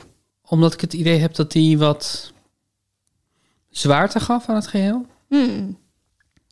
Ze hebben hier, zeker de eerste helft, hebben ze daar natuurlijk vaak een soort van... Ja, de, de Bridget Maaslands en de Lieke van Lexmond neergezet en zo. Mhm. En dat vond ik bij Antoinette, dat gevoel kreeg ik daar niet. En Antoinette is Rotterdam, de Ja. tweede editie. hè? Laten we niet te lang stilstaan bij deze categorie. Want ik, eigenlijk vind ik gewoon dat je, dat je dat niet echt goed kan doen in deze, Nee. in deze Nee. hoek. Ik ben dus heel benieuwd naar Anita Witsier dit jaar. Ja, dat is natuurlijk wel een, eh, een expert op dit gebied. Ja. Oké, gaan we naar de hosts. Ja. With the most. Ja, volgens mij eh, zijn we gewoon al deze hele binge-serie erg over Ja, eens. Dat Lenette van toch Erik. Dijkstra, hè? Oh. ja, Lennet. Ja, dit is gewoon Lennet. Ja, dit is gewoon Lenette, toch? Die heeft dat hele format naar zich toegetrokken en omgekeerd en, en belangrijk gemaakt. En Het zou kunnen dat het niet alleen Lennet is, maar dat daar ook gewoon iets in de tijdsgeest is veranderd of iets in de missie van het programma. Of dat, dat, dat ze op de. Het zou kunnen dat ze op het goede punt op de, op de goede plek was. Want ik kan me best voorstellen dat een Jurgen Rijman of een Bo van Erwin Dorens, die we trouwens ook vonden dat hij het goed deed, Ja. eh, dat, dat die dit ook hadden gekund op deze manier. Martijn Krabbe ook. Ja. Ja. ja. Ja, Martijn, ik ben niet zo'n Martijn Krabbe. Mm. Durfde dat niet te zeggen waar, waar Nienke bij was. maar ik ben niet zo'n fan van Martijn Krabbe. Ik vind hem goeie, een goede, nette presentator. Maar dan, dan in de hoek eh Philip Freriks, Robert en Brink. Nou, nee, niet Robert. Robert en Brink deed het heel slecht. Maar doet het over het algemeen, is het, vind, ik- vind ik dat ook een goede presentator. Ja, maar Lennet with a landslide, absoluut. ja, en ik vond het ook heel lekker dat het een vrouw was. Omdat er al zoveel mannen in het hele spektakel zitten. Zeker. Als ik mijn, mijn FAVO-team zou samenstellen, zou zij dat absoluut doen. En dan zou ik het ook leuk vinden om Bert van Leeuwen daar dan tegenover te zetten. Ja, dat snap ik. Bert stond natuurlijk tegenover Noralie Beijer. Ja. Oké, Pilati. Wie is je favoriete Pilatus? Ja, dit vond ik al best wel pittig. Maar ik denk dus dat ik ga voor Henk Poort. Hmm. Omdat ik vind Henk Poort, die heeft die bullebakfactor. Die je volgens mij als Pilatus toch echt moet hebben. Mhm. Nou ja, nu ze dan met die vrouw van Pilatus op de proppen komen en haar droom. Misschien is dat nu aan het veranderen. Maar ik vond dat. En het, hij kan goed zingen en hij goed, kan goed spelen. En hij neemt gewoon even dat podium helemaal over. En Ja. dat, is wat je, dat, je, dat is wat je nodig hebt daar op dat moment. Ja, ik ben het dat met je eens. Ik vond John van Eert ook wel st- sterk. Ja. Eh, vooral in hoe hij zingt. En ook dat nummer wat hij daarna doet. Ja. En Arjan Ederveen... Ik denk dat ik Arjan Ederveen de sterkste acteur vind die daarbij zat. Dat hij het het meest als een dramatische performance gewoon Ja. heel sterk doet. Ja, dus ik snap ook heel goed dat ze bij deze Ja. editie hebben gekozen voor de scène met hem. Want hij deed dat nou ja, als enige niet schreeuwend en echt helemaal in het moment. Dat snap ik wel. Maar qua zang, je moet toch allebei kunnen. En Henk kan dat. Henk kan dat Henk, aan. Henk Poort lust het hele brood. Eh, Maria? Vind ik heel moeilijk. Maria vind ik echt heel moeilijk. Wat zou jij zeggen? We hebben echt een, st- een stel, echt een, een hele hoop heel goede Maria's gehad. Ja. Er zit eigenlijk niet echt een slechte bij. Dus de Maria's, Doe, Birgit Lewis, Anita Meijer, Simone Kleinsma, Shurma Raus, Ellen ten Damme, Elske de Wal, Glennis Grace, Celia Rombly. Als ik daar een, een zeg maar, teleurstellende van moet noemen, dan zou ik Shurma Raus noemen. Omdat ik vond, dat, ik vond haar articulatie niet heel sterk. Maar aan de andere kant, we hadden twee muzikanten toen te gast en die waren allebei heel erg te spreken over Sharma. Dus Mhm. misschien hoor ik ook iets niet wat zij heel goed doet. En, en ze was een heel goede verschijning. Dat vond ik ook heel tof aan. Ja. Maar verder is dit, zijn het allemaal topzangeressen. Ja. ja, en allemaal niet acteurs. Behalve Simone Kleinsma. Ja. En Ellen ten Damme. Misschien. Eh, ja. Die telt ja. misschien wel als, als acteur. Dus het is echt een heel moeilijke categorie. Ja. Eh, ik denk dat ik met Ellen ten Damme... Ik denk dat al- Ellen ten Damme mijn favoriet is. Gewoon omdat ik haar aanwezigheid zo prettig vond. Mhm. Maar misschien is het ook wel omdat ik haar het beste ken van dit lijstje. Ja, ik dacht dus eerst Simone Kleinsma als favoriet. En toen zag ik haar in deze Mhm. best of. En toen dacht ik, hmm, hmm, hmm, hmm. Ze heeft de sing-off niet goed gedaan. Nou, ik, ik denk ook Simone Kleinsma omdat ze het meest het moedergevoel heeft Ja, van deze dat, vrouwen. dat had Anita Meijer natuurlijk ook ja, wel. Adnien mij heeft dat ook. En eigenlijk vind ik dus Celia Rombly dat ook hebben. Ja, dat snap ik wel. En dus misschien is Celia Rombly wel mijn favoriet. Ik vind dat de, dat de tweede helft van vanaf eh Ellen ten Damme, dus de, de Lenette Mhm. eh, editie, vind ik dat ze voor steeds onbekendere nummers zijn gegaan. Hmm. En dat, dat zit mij het meest in de weg. Ik vind dat eigenlijk geen slechte ontwikkeling, want we hebben het veel gehad over dat het belangrijk is als nummers toepasselijk zijn. Dat dat Mhm. belangrijker is dan dat ze eh, bekend zijn. Maar dat zit mij wel een beetje in de weg bij het onthouden van de Maria's Ja. omdat ze allemaal een soort diezelfde berei aan... eh, oh, er is iemand dood, het is verdrietig nummers eh, moeten doen. Ja. Ehm, en ik die nummers dan dus niet zo goed ken. En ook niet heel in- interessant of opvallend vind. Nee. Dat ik gewoon... Ik, ik weet dat ik vond dat Edcilia het heel goed heeft gedaan. Maar ik kan me niet meer herinneren wat ze heeft gezongen. Nee. Dit is misschien ook het binge-effect hoor. Dit is ook misschien gewoon dat alles mush wordt in mijn hoofd. Denk je dat de, de rol van Maria, dat ze, vind je dat ze die moeten houden? Nee, nee, eigenlijk niet. Nee, we hebben natuurlijk, we kregen een mail toch van een eh, van, Stefan, van ja. Stefan, een luisteraar die zei: waarom Maria Magdalena niet? Ja. Dat vind ik een heel goede vraag. Ja. Ik kan me dat alleen maar voorstellen dat het te maken heeft met het feit dat, dat volgens mij van Maria Magdalena altijd wordt gezegd dat ze sekswerker is. Klopt dat? Nou ja, ik heb, dat, ik heb dat even uitgezocht. Oh ja? Er is inderdaad op een gegeven moment ergens in een eeuw, lang, lang geleden, zijn er twee Maria's met elkaar verwisseld Mhm. eh, door een of andere schrijver, maar dat is weer terug rechtgezet. En er is dus inderdaad een zondaar geweest, een zondares. Dat is een Maria. En je hebt Maria Magdalena, maar die wordt over het algemeen nu niet meer gezien als de zondares, maar gewoon een leerling van Jezus. Die waarschijnlijk ook rijk was, want ze zorgde voor eh, de discipelen. En zij was erbij bij het sterven. En zij ging met hem mee van Galileo naar Jeruzalem. Dus ik vind de, de vraag van Stefan heel terecht. Ja. Waarom Maria Magdalena geen rol geven? Zij ziet dat hij op is gestaan uit het graf. Dat zei Koen ook al. Ja. Dus het is een heel logische vrouw, als je dan een vrouwenrol wil. Ze is onderdeel van de drie Maria's, zie ik hier. Ja, dat ook nog inderdaad. En dat zijn drie vrouwen, drie Maria's bij de kruisiging van Jezus, drie Maria's bij het graf op van Jezus op de paasmorgen. Ja, dat is op zich wel weer echt een goed excuus om K3 te casten natuurlijk. Ja, of die, ah, hoe heette zij? Oh, oh, Jean. Oh, Jean, die, gaat het toch, die gaan toch die drie Maria's dan zijn? Ik vind dat je te weinig reageert op mijn K3-grap. ik vind dat je hem te, te makkelijk aan je voorbij liet gaan. Ja, ik was heel erg bezig met O- O'Gene, omdat... Dat snap ik, dat snap ik. Hoe Ehm, ik het? Oh, die drie zou ook leuk zijn. Nee, Ma- Maria, Maria is onzin dat ze erin zit. Ja. Haar perspectief op de hele situatie is volstrekt onduidelijk. De vraag is een beetje of zij weet wat er aan de hand is of niet. Mhm. De vraag is waarom ze verdrietig is. Ze weet niet wat er gaat gebeuren. Ze heeft geen contact met Jezus. Nee. Het, is, het, is er, het is goed dat er een sterke vrouwenrol is natuurlijk. En ook eh, dat, Dat, er ik- iets bij het plein gebeurt. ja, en dat vind ik juist ook leuk in dat ze, dat ze vaak vrouwen kunnen casten die wat ouder zijn. Want, Zeg maar vrouwen van tussen de 40 en de, de 60 zijn, zijn degene die het moeilijkst die het moeilijkst gecast worden voor dingen. Ja. Omdat die rollen gewoon opeens verdwijnen. Dus het is dat, ja, ik, nee, ja, ik zou het, als ik het, als ik het flink zou herschrijven, zou ik Maria schrappen. Maar dan is wel, ja, dan, ja, dan moet je Maria Magdalena toevoegen. Want je, moet, je, moet, je kan niet nog minder vrouwenrollen Nee, ik zou, eigenlijk zou ik Maria, moeder Maria gewoon één nummer laten zingen. Mhm.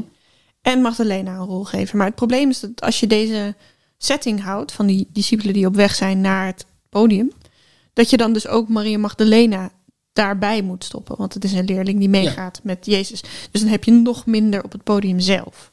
Dat is waar, maar je zou, je zou die hele... Nou, dan zou je dus Pilatus een nummer kunnen geven met zijn met zijn vrouw. Over de droom. Ja. Maar dat is echt wel, dat is wel moeilijk. Dat is zo feitelijk dat dat moeilijk is om daar ieder jaar een leuke popnummer bij te. Ik heb zo wa, wa, wa, waanzinnig gedroomd. En dan zingt hij: De meeste dromen zijn bedrog. Zijn er nog meer droomgerelateerde nummers? Nou ja, ze gaan nu ook Engelse, dus dan, dan, Oh, ja, ja. dan trek je een blik open. Dan... Genoeg nummers over dromen. Goed, de volgende. P3. P3. We komen nu bij, de, bij, wat mij, wat, me, bij wat mij betreft de grote drie zijn. Ja. De, de Judasen, de Jezusen en de P3. Ja, welke Peter hebben we gehad? Thomas Bergen, Frans Bauer, Jim Bakkum, Stanley Burleson, Jeroen van der Boom, Mark van Eeuwen, Omri Tindal, Brainpower en Paul Sinha. Heb jij een favoriet? Ja.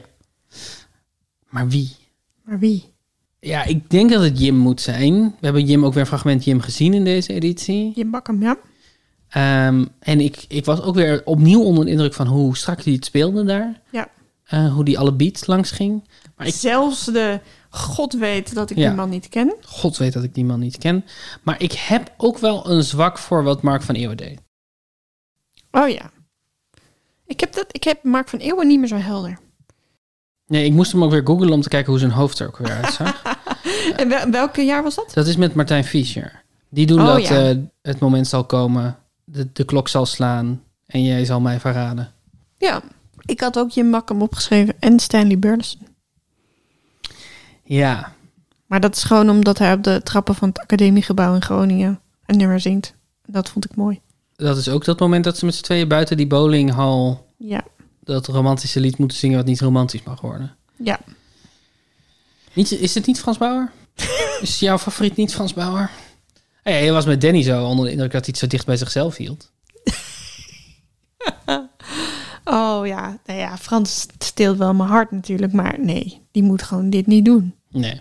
Maar ik vind het ook een rol waar niet heel veel eer aan te behalen is hoor. Want je moet niet de slechterik zijn, zoals Judas. Maar je moet ook niet de goede zijn, zoals Jezus. Je moet er een beetje zo tussenin zitten. Je bent en heel erg fan van Jezus, maar je gaat hem ook drie keer ontkennen, veel te snel naar elkaar. Het is moeilijk. Het is niet echt. Ja, je zegt een van de grote drie. Dat is misschien ook wel zo, maar. Ja, weet je wat het ook is? Doordat ze die spijt bij Judas erin hebben gezet, Mhm. wordt dat een mooier afgerond lijntje. Ja. Hoewel snel en slordig afgerond, maar toch. Maar daardoor eh, lijken Judas en Petrus weer meer op elkaar. Ja. En je wil eigenlijk dat Judas een soort van verdwijnt als zijnde de boef. In ieder geval in dit verhaal. Hij heeft het gewoon fout gedaan. Hij is weg. Na 2000 jaar is er heel weinig meer over te zeggen. Mhm. En Petrus is degene die een soort van aan het eind bede- bedenkt... nee, ik ga, ik ga toch die rots zijn waar de kerk op gebouwd gaat worden. Ja. En, Ja. en, en dat, zou, dat zou, kan een mooi onderscheid zijn tussen de twee. Ja, door ze allebei op hetzelfde moment spijt te geven, gaan ze nog meer elkaar lijken. Ja. Ja. Alright. Ehm, Judas. We hebben gehad Frank Lammers, Charlie Luske, Daniel Bossevin, uh, Jamai Lohman, Jeroen van Koningsbrugge, Xander de Bisonnier, Roel van Velzen, Django McCroy en Lucas Hamming. Ik vond Django dus echt heel goed. Maar ik denk wel dat je gelijk hebt dat hij niet zo heel goed speelt. Mhm. Maar gewoon, zijn stem is fantastisch. Zijn verschijning is heel is interessant. Zijn, ik bedoel, hij moet op een gegeven moment, terwijl hij soort op een heel klein krukje zit in een bouwval, moet hij eh, dat Hazes-nummer zingen. Mhm. Eh, ik leef mijn eigen leven, heet dat nummer. Ik leef mijn leven zoals ik dat wil. En dat doet hij gewoon knijter overtuigend. En dan ben ik helemaal mee en dan vind ik hem verdrietig. En dan vind ik, het, vind ik hem tra- tragisch en vind ik het spannend. En, eh, dus dat vind ik echt een heel goeie. Jamai. Ik ga toch voor Jamai. En ik heb dus een beetje mijn teampje samengesteld. En ik dacht van, ja, als ik dan Jamai al heb voor Judas... zou ik niet Jan Bakum ook doen voor Petrus. Mm, dat vind ik mhm. niet kunnen. Dus dan zou ik Stanley Burleson Oh, erbij ja, zetten. ja, ja, dat snap ik. Dat Ja. snap ik wel. En dan op zoek naar Jezus. Op zoek naar Jezus. We hebben gehad Siep van der Ploeg, Danny de Munk, René van Koten, Jan Dulles, eh, Jim de Groot, Martijn Fischer, Dwight Dissels, Tommy Christian, Erwin Jonker. Kom maar op. Degene die voor mij het meeste charisma heeft, bij wie ik het geloof... en bij wie ik denk, daar kan ik bij terecht... die, Mhm. die zal er voor me zijn. Het gevoel wat een Jezus volgens mij moet oproepen. Een soort van Mhm. jonge vader idee of zo. Een soort van... Een Ja. jonge vader idee. Ja, gewoon zo iemand van je denkt, nou daar kan je op bouwen. En die is vriendelijk en aardig en weinig bezig met zichzelf. Mhm. Dwight Dissels. Ja, dat snap ik. Dus misschien gewoon ook omdat hij lang is. En omdat hij zoveel rust uitstraalt. En omdat hij gelovig is, dus echt heel goed wist welk verhaal die aan het vertellen was. Het is gewoon heel understated wat hij deed. Ja. Dat was heel knap. Het was heel... eh, ja, ik, hij stond ook heel hoog op mijn lijst. Ja, En de Zwarte Jezus vind ik ook leuk. dat is zeker leuk. De eerste keer dat ik dacht... hey, misschien vind ik deze Jezus wel goed. Was René van Koten. Oh ja. Omdat wat ik, René, wat ik heel mooi vond aan René van Koten... is dat ehm, het moment waarop het publiek zegt... kruisig hem... dat je de teleurstelling ziet in zijn ogen. Ja, ja. Het verraad. En dat is zo'n logisch iets om te spelen... als je echt weet wat je aan het doen bent. Een soort van Jezus die teleurgesteld is... Uh, hij weet natuurlijk wat, wat, er, wat er moet gaan gebeuren, maar toch. Jezus die teleurgesteld is door de mensheid en die daar Mhm. staat en die opeens hoort: Ik ga gekruisigd worden. Dat vind ik wel, dat vond ik echt een heel mooi moment. Ja, als je dan die, naar deze tien afleveringen kijkt, wat vind jij het meest mislukte of het gênantste moment van alles? Bloedvloeiende vrouw, toch? Oh ja. Het moet bloedvloeiende vrouw zijn. Had jij een ander antwoord dan bloedvloeiende vrouw? Ja. Sleppap in de kou. Nee, Galileo, Galileo, Galileo van Giel Belen. ik vond dat denk ik... Daar kwam alles bij elkaar wat er niet slaagt. In mij. Ja. Eh, dus een BN'er die loopt te trollen of een rare opdracht heeft gekregen. Daar zijn we nog niet over uit. Hij loopt te trollen. live. Terwijl een, een uh, Omri Tindal probeert daarna weer zijn lied op te pakken. En die on- ontkenning. Nou, die ontkenning is natuurlijk altijd takkenlelijk. Ja, nee, dat moment, dat, dat staat wel in mijn geheugen gegrift. Dat hij die grap maakt over Bohemian Rhapsody. Ja, ja ik, ik, snap, ik snap dat, maar omdat dat voor mij zo duidelijk een falen is van Giel Belen, die ik toch al niet hoog had zitten, Ja, ja. en niet een falen van The Passion, heb ik dat, dat is een beetje hetzelfde als slap in de kou. Weet Ja, je wel? Anita Meijer maakt een foutje, dat kan gebeuren, allemaal niet zo erg. Het is heel grappig als moment, maar dat vind ik niet, vind ik niet een, een lelijk of een gênant moment. En Bloedvloeiende Vrouw, Ja, oké. Oh, ja, man. ja, misschien. alles daaraan. Alles aan bloedvloeiende vrouw. Vanaf, vanaf het concept om dit erin te stoppen, vanaf de, eh, de manier waarop het lied erin is gezet, de locatie, de manier waarop daar wordt geacteerd, eh, de ansenering, alles eraan is, is slecht. En wat vond je het, het ontroerendste moment? Vind ik moeilijker. Waar, waar schoot je vol? Er zijn een paar momenten waarop ik ontroerd was. En dat had eigenlijk altijd te maken met iemand die vertelde dat er iets heel ergs in zijn leven was gebeurd. In Ja. de, de processie. En ik vind dat niet helemaal tellen. Eh, Dat is zo'n soort van oermenselijk ding. Dat als ik hoor dat iemand zijn kinderen is verloren, dat ik dan denk dat ik, goh, wat erg en dan volschiet daardoor. Mhm. Maar dat het eigenlijk niet zoveel te maken heeft met hoe goed het verteld wordt. Of het, het is natuurlijk heel makkelijk om gewoon mensen die iets heel ergs hebben meegemaakt op te voeren. En dan ben ik wel ontroerd. Dus dan vind ik dat wel erg. Dus ik zit even na te denken of ik ooit on- echt ontroerd ben door de, door de dramatiek van het verhaal. Ja. Ik denk dat ik wel een brok in mijn keel had bij Jezus op het water. Bij René van Koten die op het water zingt. Oh ja. Ja, en misschien toch deze compilatie aan het einde. Van al die Ja, verplegers zeker. en eh, Ja. mensen die thuis zingen. Ja dat vind ik ver- ver- vervelend dat, dat dat dan het antwoord zou zijn. Maar het is wel waar. Dat, dat, dat is absoluut brok in je keel materiaal. Ja, die huilende jongen. Oh ja. Doet het voor mij ook nog Doet steeds. je goed, vrouw huilende jongen. die, eh, die naar Jezus naar boven kijkt terwijl hij met zijn trillende lip en zijn Ja. rode petje. Maar goed, dat is ook niet aan de makers. Nee, kijk, uiteindelijk vind ik het gewoon niet een. Vind ik dat ze er gewoon nooit echt gekomen zijn. Voor mij om echt te voelen hoe het is, bijvoorbeeld om Jezus te zijn en te horen dat je moet gaan sterven. Mhm. Nou, weet ik niet of je ooit van Jezus echt een dramatisch ingevuld personage kan maken, omdat zijn, zijn wereld zo anders is. Ja. Dus hij weet dat hij de zoon van God is, slash een deel van God, een versie van God. Hij weet dat hij een heel specifieke taak heeft. We hebben hem een paar keer voor de grap een superheld genoemd. Maar ik denk wel dat je het op, op dramaturgiegebied moet beschouwen als een superheld. Iemand die zo ver weg bij ons staat dat we, er, dat we hem kunnen aanbidden, maar niet dat we kunnen voelen hoe het is om die persoon te zijn. En dat je eigenlijk een Judas of een, een Petrus nodig hebt om de, de Watson te zijn naast de Sherlock die Jezus is. Ja, ja. Dus je denkt dat het een emotie bij Petrus of bij Judas moet zijn. Ik denk dat het makkelijker is voor ons om, te om ons voor te stellen hoe het is om Judas of Petrus te zijn, Mhm. dan hoe het is om Jezus te zijn. Ik zou altijd ervoor kiezen om Judas als hoofdpersonage te nemen als ik dit zou vertellen, Hm. als schrijver. Maar het ingewikkelde daaraan is, is dat je dan, vind, vind ik, dat je meer aannames moet gaan maken over waarom die dit doet. Ja. Want je komt gewoon niet weg met, eh, na 2000 jaar is daar weinig over te zeggen. Nee. Hoewel het was- misschien wel waar is hoor, maar dat kan ik niet invoelen. Nee.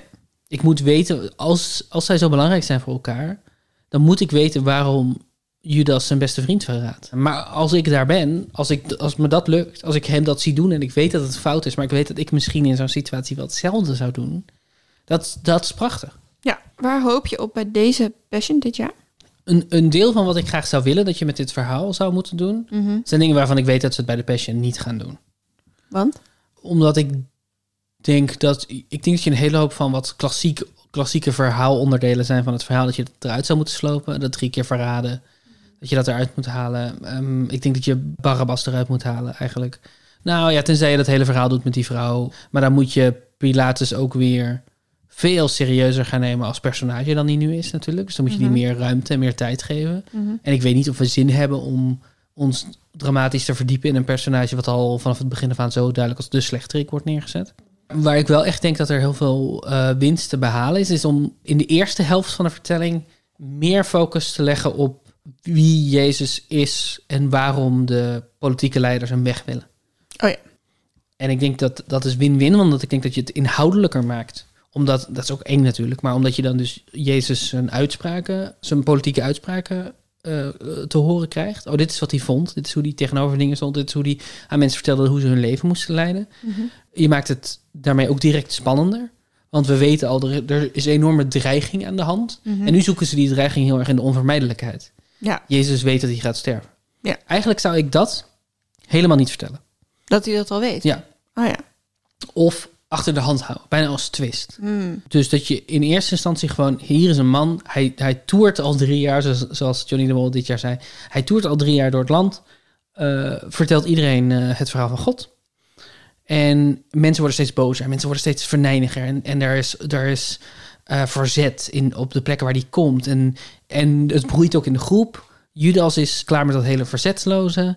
En dan wordt er iets in gang gezet om deze dude te pakken. We moeten van hem af. En daar begint eigenlijk je verhaal. En misschien dat er een paar soort hints worden gedropt naar Jezus. Zo van, kijk maar uit. En Jezus die zegt, ik weet, al, ik weet het, ik weet het. Hè, maar wat weet je dan? En dan zegt Jezus op een gegeven moment... Jongens, we gaan naar Jeruzalem. En ik ga daar sterven. Maar ik zal altijd bij jullie zijn. Zoiets. Ik zou, hem, ik zou zijn letterlijke uitspraak over dat hij terugkomt... zou ik ietsje... Omdat oh, het is zo moeilijk om te geloven dat mensen niet vooral daarop zouden focussen. Sorry, maar wacht. Eh, Petrus Telegraaf, je zegt net in je statement dat je gaat terugkomen uit de dood. Eh, maar hoe dan? Weet je, dat is, dat is zo'n raar ding. Dus ik zou dat misschien iets symbolischer maken. Dat hij zegt, ook als ik er niet meer ben, ben ik er. Ja. Dit is, het brood, dit is mijn, mijn brood is mijn lichaam, eigenlijk dat. Mhm. En eigenlijk, ik denk dat je de tweede helft wel redelijk zo, zo kan houden zoals hij is. Ik zou het, het spijt hebben van Judas eruit Ja? eh, halen. Ja ik, Ja, ja. ik vind het, het krijgt nu niet de aandacht die het verdient. Ik zou misschien gewoon ergens een shot van Judas die een strop voor zichzelf knoopt. Gruwelijk. En dat is hoe dat verhaal eindigt. Ja, En nu roept hij gewoon heel erg dat hij spijt heeft. Wat ook weer een soort van de implicatie heeft dat het een soort van catharsis voor hem zou moeten zijn of zo. Mhm. Of een soort van hij, hij komt er toch nog voor uit. Alsof hij een goed positief einde heeft. En volgens mij heeft hij dat niet in het verhaal. Nee. Heb jij, heb jij eh, dingen waar je op hoopt? Want ik ging antwoord geven op waar, waar ik op hoopte. En toen werd het langzaam een pitch voor hoe ik hem zou aanpakken. Maar heb jij dingen die, waar je op hoopt? nou ja, ik hoop dus een beetje misschien een rol voor Maria Magdalena. Mhm. Ik hoop op goed gesneden, echte verhalen van mensen die Mhm. mee zouden lopen in de tocht. Dat hoop ik voor dit jaar. En als ik, want ik, we hebben ook allebei nagedacht over als we iets zouden herschrijven. Mhm. Ik zou het dus net, ja, maar misschien is dat fout hoor. Want jij, jij vliegt inderdaad die Jezus als een superheld aan. Fout, niks is goed, goed of fout hierin. Er zijn in hebben- meerdere takes op hetzelfde verhaal. Precies. Ik zou graag een scène schrijven of zien. Stel, hij komt binnen op een boot. Dat een soort van opgetogen sfeer is tussen alle discipelen. Mhm. Maar dat Jezus niet erbij wil. Ergens in een hoekje zit, achter een deur. En dat eerst probeert een Petrus te zeggen: Kom, Jezus, kom erbij. We zijn bijna in Jeruzalem. Hoe leuk wordt dit? En die krijgt het niet zo ver, want Jezus is gewoon doodsbang. En verdrietig. En moet zich concentreren op zijn rol die hij gaat moeten vervullen in Jeruzalem. En Judas probeert hem ook erbij te betrekken. En dat, dat je daarin het zaadje plant van de irritatie tussen Judas en Jezus. Ja, het, het ding is, ik vind dat wel mooi. Ik vind dat heel mooi. Het shot van, van Jezus op de stoomboot die in zijn eentje in de, Ja. in de spiegel staat te kijken en denkt, kan ik dit wel? Ja. Dat vind ik heel mooi. Wat ik moeilijk vind, en dat is, wat, dat is niet per se jouw pitch, maar dat is wat de Passion nu doet, is het verraad van Judas als een uitkomst van irritatie framen. En dat vind ik niet goed, denk ik. Nee, niet alleen irritatie, maar ik denk dus dat Judas zou ik neerzetten als een beetje, een beetje een opportunistische, inderdaad, hoe ze hem nu, nu vaak noemen, ook eh tourmanager. Mhm. Dus een beetje zo van, nou, eh, hier gaat het gebeuren, toch? We, we zijn al drie jaar volgelingen aan het verzamelen. Dat is allemaal leuk en aardig, maar wanneer gaan we nou een keer echt... Een, een extremist, basically. Toch? Dan iemand die zegt van, eh, ja, al dat praten en thee drinken, dat is prima. Maar we moeten gewoon, als jij de, de nieuwe koning van de Joden wil worden, dan moeten we wel even gas op die lolly. Ja. Ja. Ja, precies. Judas die dan dus gewoon al drie jaar achter die Jezus aanloopt en, en inderdaad heel goed vindt wat hij zegt. En dan nu opeens een, een Jezus ziet die een beetje sneu is en die, die misschien al zegt, het, het wordt niet leuk in Jeruzalem. En dat hij ook zegt, je hebt, je hebt een boodschap van liefde. Waar, waar, waar kijk je nou zo tegenop, man? Of, of kom op, nu moet je presteren, nu moet je er staan. En dat Jezus dat een beetje vertikt. Ja, maar ik zou het wel, denk ik, zoeken in een wereldbeeldverschil. Dus ik zou misschien dan wel gaan voor Judas. Want wat ik heel goed vind eraan is dat ze een paar keer zeggen dat, ze, dat Judas misschien een beetje klaar is met het eh geweldloze ervan. Ja, ja. Dus, dus niet zozeer eh, Judas die zegt, je moet een keer presteren, maar we moeten misschien eens een stap verder gaan zetten. Ja. Of meer. Of een mooie scène. Ja, die, wil ik, die zou ik graag willen zien. Maar ik denk niet dat ze dit jaar doen. Maar gewoon even die verhoudingen helder. Ja. Tussen Judas en Jezus en misschien Petrus. Ja. Want dat, dat, die zijn nu alleen nog maar glimlachend naar elkaar aan het zingen in het begin. En dan opeens moet er een verteller moet vertellen wat er te- aan de hand is tussen hun. Ja. Dat vind ik zo'n gemiste kans. Wat hebben we geleerd van deze exercitie? Hebben we iets geleerd van deze exercitie? We hebben in tien weken tien edities van de Passion gekeken. Mhm. Dit is onze, dit is denk ik onze laatste aflevering. We hebben nu, ja, Ja. in ieder geval op het moment dat we dit naar buiten brengen, hebben we ze allemaal gezien. Ja. Ik heb meer geleerd over wie Jezus is. Mhm. En ondanks dat ik wel wist van, want ik heb geschiedenis gestudeerd en daarin leerde ik van, er zijn heel veel rondom Jezus zijn tijd, zeg maar, waren er heel veel messiassen. Maar waarom Jezus geslaagd is, zeg maar, of echt veel aanhangers kreeg, is omdat hij liefde predikte. Mhm. Ehm, dus even los van dat opstaan naar de dood. Eh, want dat zeggen ze dan niet bij geschiedenis dat dat is gebeurd. Maar gewoon, van, ja, er waren heel veel messiassen, maar heel veel werden al heel snel gewelddadig. Of inderdaad, nou ja, dat zie je natuurlijk nu ook populisten die eerst waarvan je denkt ja, en dan vrij snel kom je erachter, oh wacht, dit is misschien toch niet Ja. helemaal de kant op die ik wil. En Jezus zei elke keer, hou van je vijanden. Ja. De Passion heeft mij eh, dat toch, ondanks dat ze dat heel lang niet hebben verteld, dat gedeelte van wie Jezus is en waarom Mhm. hij belangrijk is, hebben ze dat toch nu mij meer laten voelen dan dat ik het alleen wist. Het heeft mij munitie gegeven in gesprekken over Jezus en over het geloof. Over wat hij eigenlijk predikte en waarom die interessant is. Ja, dat snap ik wel. Het is misschien een beetje een saai antwoord, maar... Nou, ik, nee, en, maar ik denk ook wel dat, het dat dat misschien iets is wat meer... En dat maakt niet dat het geen goed antwoord is op de vraag... maar dat het meer iets is wat uit de gesprekken komt... Ja. die we hebben gevoerd... Ja. dan dat het komt uit de, de, uit de Passion zelf. Want daar is inderdaad maar beperkt ruimte voor deze versie van Jezus. Ja. Verder hebben we natuurlijk heel veel gehad over kunst en zingeving. En ik denk wel echt dat de makers van de Passion niet iets lelijks willen maken. Opzettelijk. Mhm. Dat had ik ook niet verwacht per se, maar dat had wel een van de uitkomsten kunnen zijn. Maar ik denk wel echt dat ze hun best doen, maar dat er gewoon net niet de goede mensen op de goede plekken zitten. Soms wel, soms niet. Een beetje hit or miss is. En dat vind ik waanzinnig voor een productie met zoveel geld. En zoveel kijkers. En zo populair. Dat het op het gebied van de scènes en vertelstructuur... dat het dus gewoon eigenlijk alleen maar... als het een goede verteller is, Ja. dan krijgen we het mee. Maar het team erachter is niet in staat om, om een verhaal te vertellen wat mij raakt of waar ik in mee word genomen. Dat vind ik, dat vind ik, dat heb ik ook geleerd. Dat vind ik eigenlijk jammer. ja, dat snap ik. En aan de andere kant verbaast het me eigenlijk ook niks. Want Nederlandse televisie heeft een, een rare prioriteit. Wat bedoel je daarmee? Eh, nou, Jesse, die, die in onze podcast staat in de derde aflevering, die heeft daar een scriptie over geschreven dat Nederlands televisieland wordt bepaald door producenten. Ja. Niet door schrijvers, niet door makers, niet door regisseurs, maar door producenten. Dus mensen die gaan over geld en bereik. Die daar goed in zijn. En die niet bezig zijn met welk verhaal vertellen we nou echt. En daarin vind ik wel The Passion echt het schoolvoorbeeld. Ja. Vaak zit het in de muziek. De componisten en de orkestleiders en de muzikanten en, de, en het koor. Dat kunnen we wel in Nederland. Ja, hoewel toen we Frank en Daphne hier hadden... waren die niet per se heel erg te spreken over de arrangementen. Nee, dat is waar. Dat is waar. Maar dat was ook 2015.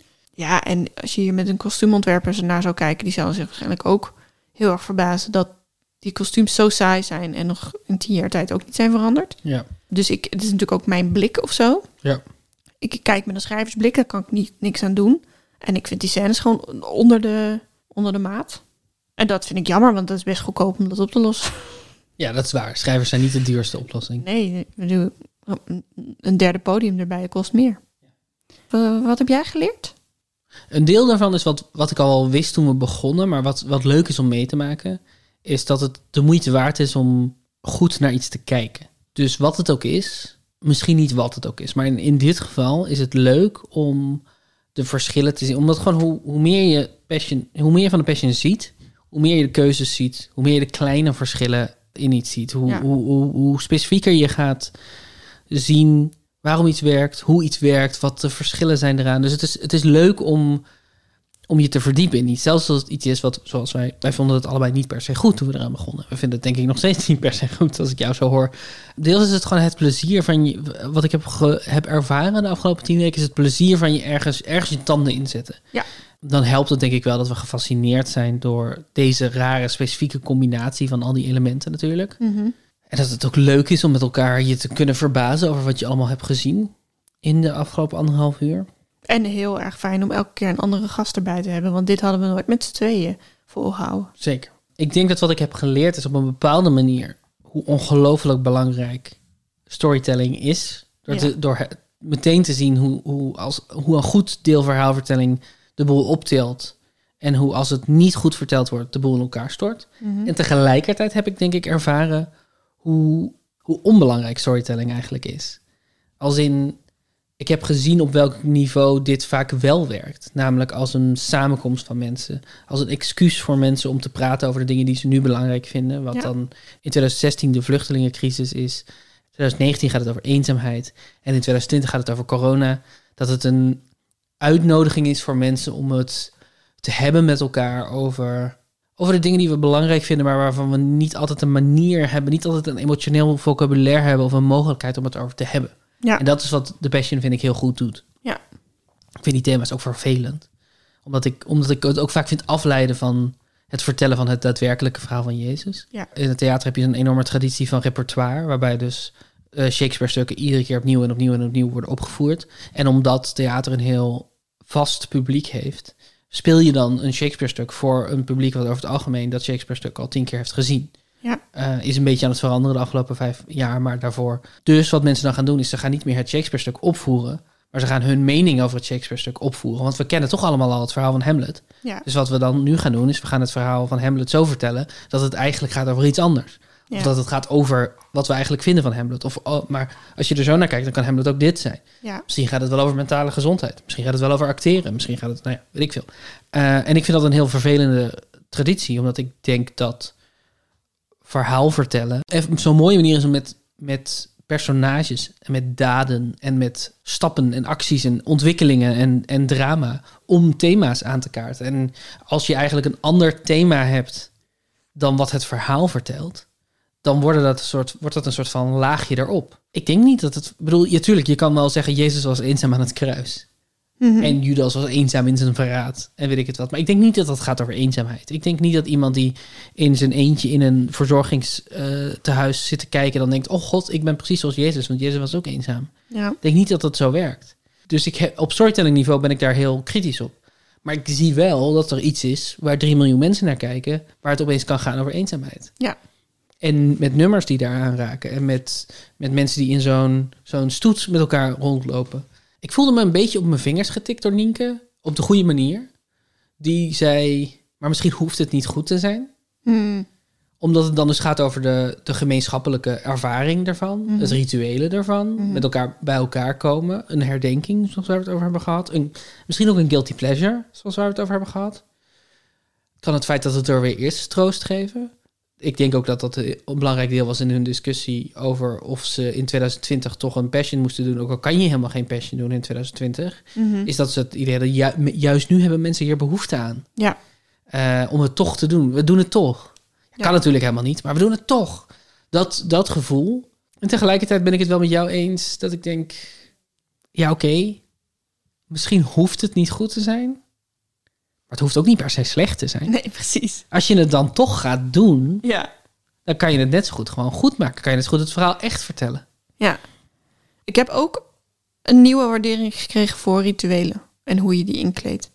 Dat komt ook groot, grotendeels door ons gesprek met Katie. Mhm. En ook wat jij nu zegt. Ik heb nog nooit naar iets gekeken en gedacht... dit zou je meer een moment van kunnen maken. En dus zonder taal of liedjes of wat dan ook. Maar bijvoorbeeld de start van de processie.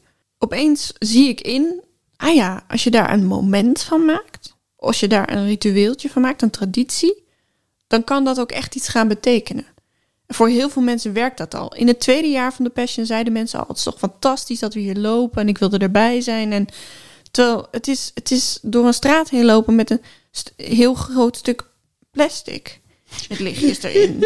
Laten we wel wezen. Dat is eigenlijk... Ja, het betekent niks. Het betekent niks. We geven het betekenis. We geven het betekenis. Ja, een 400 kilo wegend stuk plastic met lichtjes erin. Fair enough. We geven het betekenis. En ik vind dat ze daar nog wel wat te winnen hebben ook. En neem dat nou eens serieus. Ja. Als je dan een, eh, een kerkelijk ritueel of een modern ritueel maakt... denk dan goed na over welke symbolen je pakt... en hoe je dat start en hoe je dat eindigt... en welke geluiden of woorden of, of daden daarbij horen. Maar daar heb, ik heb nog nooit op die manier gekeken naar iets. Hm. Dat heb ik echt geleerd. Ik denk dat dat heel mooi is. En ik denk ook dat... Kijk, dit is natuurlijk ook de waarde van die, die tweets die worden voorgelezen. Hoe verschrikkelijk dat ook is, is dat mensen worden niet... Mensen zijn niet langer toeschouwer alleen, maar mensen zijn deelnemer daaraan. Ze zeggen, hè, loop virtueel mee. Maar wat is dat dan, dat meelopen? Gewoon iets sturen, toch? Toch iets tweeten, dat is het. Ja, maar het maakt eigenlijk niet uit. Want waar het, waar het om gaat is... Kijk, het is allemaal onzin. Voor de duidelijkheid. Het is allemaal onzin. Maar al, al die dingen, het gaat niet alleen over de passion. Kaarsjes aansteken, een poster op het raam hangen met Utrecht hou vol. Eh, applaudisseren in de deuropening. Het is allemaal onzin. Alle rituele dingen zijn onzin. Ze veranderen niks. Nee. Je kan wel zeggen, oh, oh, ik heb echt meegedaan, want ik heb een uur een rondje gelopen. of ik heb iets zwaars getild. Ja. Maar je hoeft dat zwaars niet te tillen. Waar het om gaat is een gezamenlijk gevoel creëren van we, doen we doen dit. We, we maken dit samen. We doen dit samen. Ja. En, en het doorbreken van het idee, oh, ik zit thuis en ik kijk daarnaar en dat is het showtje. En ik zit hier en ik vind iets van het showtje. Maar in plaats daarvan, ik ben er onderdeel van. ik ben de passion, jij bent de passion, hij is de passion. Dat gevoel, dat is waardevol, denk ik. Ik bedoel, het is, wat er ingewikkeld in is, is dat het vervelend is om naar te moeten kijken. Als er tweets worden voorgelezen. Ja, ja. Maar ik snap wel heel goed waarom dat er is. Dat virtueel meelopen. Niet in de laatste plaats natuurlijk ook omdat er heel veel mensen zijn die wel graag fysiek mee zouden willen lopen, maar die dat door allerhande omstandigheden niet kunnen. Ja. Dat is ook een goede manier om, om de boel toegankelijker te maken. Ja, ik denk dat je gelijk hebt dat de passion het beste werkt als ritueel. En dat daarin dus ook het, het rijmen van ieder jaar. Ja. Dat wij echt hele delen van de presentatie nu, nu hardop mee kunnen praten. Mhm. Dat iedere keer dingen terugkomen. Dat je iedere keer denkt, waarom doen we dit eigenlijk? Ja, daar zit wel... Daar zit de kracht op. Daar zit de kracht, ja. Ja. Gaat Pasen nu ook iets anders voor jou betekenen? Nee. Nou, misschien dat ik ieder, iedere Pasen even denk... Moeten we een nieuwe Passion Binge opnemen? maar zoals kerst. Kerst betekent best veel voor, jou. mij? Ja. En inmiddels ook wel een beetje voor mij. Want dat komt door jou. Het komt gewoon door jou. Nee, maar ik bedoel, het- kerstverhaal niet. Dat Jezus is geboren, heb ik helemaal niks mee. Maar als het kerst wordt en die liedjes zijn op de radio... en ik zie die kerstversiering in winkels... dan gaat er iets branden in mij. Ik weet niet precies wat dat nog is. Mhm. En bij jou volgens mij ook. Mhm. Een soort gevoel van we gaan bij elkaar zitten met familie, gezellig, alle specials kijken. Kan zo'n soort plek Pasen ook innemen? Ja, ik denk het wel, maar ik denk niet dat het dat voor mij gaat doen. Ik kan me voorstellen dat, dat ik misschien wel... Ik ben, heel benieuwd, ik ben sowieso heel benieuwd waar we over een jaar zijn. Om meerdere redenen. Maar ik kan me voorstellen dat ik over een jaar tegen jou zeg... Oeh, het begint weer passion te worden. Oeh, voel je het? Voel je het in de lucht? Het is weer bijna passion. Dus, dus ik ben nu wel, of ik nou wil of niet... deelnemer geworden van, van dat ritueel. Ja. Eigenlijk. Ja. En dat ik denk, oh, het voelt weer... Nou ja, ook met kerst is het een deel van de aantrekkingskracht ervan... is dat je hetzelfde doet als vorig jaar en het jaar daarvoor... en Ja, het jaar ja, daarvoor en ja, het jaar ja. daarvoor. En dus, Maar wij doen best vaak een paasontbijt met jouw ouders bijvoorbeeld. Maar dat betekent niet zoveel voor mij. Behalve dat ik heel veel eieren mag eten, waar ik heel gelukkig van word. Maar, maar het heeft niet dezelfde soort opbouw. Maar ik kan me wel voorstellen, en heel veel mensen zeggen dat ook natuurlijk, dat het paasfeest voor hen heel belangrijk is. Dat ze dan denken aan het lijden van Jezus, et cetera. ja, ja, deels is het denk ik... ik weet het niet zo goed. Ik, ik ben opgevoed met paasontbijtjes. Ja. En ook wel met, geloof het of niet als je me erover hoort praten... maar met dat mij het, het, het van Jezus wordt verteld. En dat ik weet dat Paas daarom gaat. En ik heb op een katholieke basisschool gezeten... en ik, ik heb die eieren gegeten en al die dingen. Dus ik, je zou zeggen dat, ik, dat het me net zoveel... net zozeer met een lepel is ehm, gevoed. Hoe zeg je dat? Ingegoten? Ja, nou ja, met de soep, paplepel, Paplepel. Met, de, met mijn eigen pap ehm, ingegoten is. Sleppap. Sleppap eh, ingegoten is. En toch kan het me gewoon allemaal niet zo heel veel schelen. Ik, ik vind de esthetiek ervan, dat pastel, Ja. lichtgeel. ugh. Maar op zich, we zouden het ook, want het is natuurlijk bij kerst ook altijd een soort van hoe het wordt weer koud en weer donker. Ja, Dat zou Pasen ook kunnen zijn voor oeh, het wordt weer lente en het wordt, ja, vogeltjes. het wordt weer passion. Maar- Ja. Maar het voelt ook altijd alsof de lente iets eerder komt al dan Pasen. En later tegelijk. Ik bedoel, Ja. de, de Pasen is natuurlijk ook... Pasen eh, beweegt ook door het jaar heen. Ja. Er is niet één vast moment dat het Pasen is. Ik bedoel, ik denk wel... Ik denk wel dat we volgend jaar daar staan. Waar het ook is. Ja? in eh, Tilburg op Witte Donderdag. Ik denk wel dat we er dan zijn. Dat wij in het publiek staan. Dat wij in het publiek staan. Ik denk dat wij over een jaar. Als het mag. Ja, dus ik, het is misschien ook iets waar ik, waar ik hoop uit put. Ja, dat mag. Dat we. Ik, ja, ik denk over een jaar. Denk ik dat we dat virus wel eh, een schop onder de reet hebben gegeven. En dat dit soort grote bijeenkomsten weer, weer gebeuren. En dan denk ik wel dat wij op begin april in de trein zitten. In het begin van de middag. Om een hele avond in de kou te staan. En te kijken naar hoe. Ilse Lange. Ja, eh, om Terwijl Frits Sissing het aan elkaar praat. hoe Frits Sissing eh, ons vertelt dat Ilse de Lange er, er zoon mist. En dat wij dan eh, dat wij zien hoe Gijs Schotten van Aschat zwart-wit rapt. Ik denk wel dat we, of we nou willen of niet, dat we onze ziel op de een of andere manier aan onze identiteit een beetje hebben verbonden aan dit ding. Oeh, Oeh vind ik heftig. Vind ik heftig. Ik denk wel dat je gelijk hebt. Ik denk dat we daar volgend jaar staan. Als we mogen. Dat laatste ben ik nog niet helemaal zeker van, als ik eerlijk ben. Kijk, we hebben het zelf gedaan, hè, voor de duidelijkheid. Wij hebben bedacht, we gaan hier een podcast over maken. Mhm. En dat, dat komt gewoon omdat ik een aantal fragmenten van The Passion zag en daar moest lachen. Ja. En toen dacht ik, dat is leuk om daar iets mee te doen. En dat werd langzaam dit. Maar het is ook een beetje toeval of zo. Maar toch is nu The Passion op een bepaalde manier, amper te duiden manier, onderdeel van ons leven. Ja, dat is wel waar, ja. Want Als- ik bedoel, als er nu iets over die passion wordt gepost... dan gaat iedereen ons appjes sturen. Heb je het al gezien? Treintje is het. Als, als volgend jaar de eerste namen worden aangekondigd van Ja. wie, de, wie de Passion gaat doen, dan krijgen wij dat te horen vanuit meerdere hoeken. Dan moeten wij daarover gaan praten met mensen. Ja. Dit is nu iets wat onderdeel is van wie wij zijn. Ja, ja. En dat vind ik ook wel leuk. Ja, dat vind ik ook wel leuk. Maar ik- om nou te zeggen dat het lijdensverhaal van Jezus onderdeel is van mijn identiteit... dat klinkt gewoon best heftig. Nee, maar niet het leidsverhaal van Jezus. Nee, de, de, de passion. Ja, fair enough. het evenement, de, De- passion. ja, de lelijkste vertelling van het leidsverhaal van Jezus. Dit is denk ik, denk ik officieel onze laatste. Ja. We hebben ze allemaal gezien. Echt waar, van begin tot einde. Ja. Jullie kunnen dus ook nog kijken. De dag dat dit uitkomt is de dag van de Passion 2021. Als je dit hoort op de dag dat, eh, dat we hem hebben gereleased, dan, dan is dat vanavond. Ja. Wij gaan dat kijken. Ja? Ja. Wij gaan ons daar wellicht...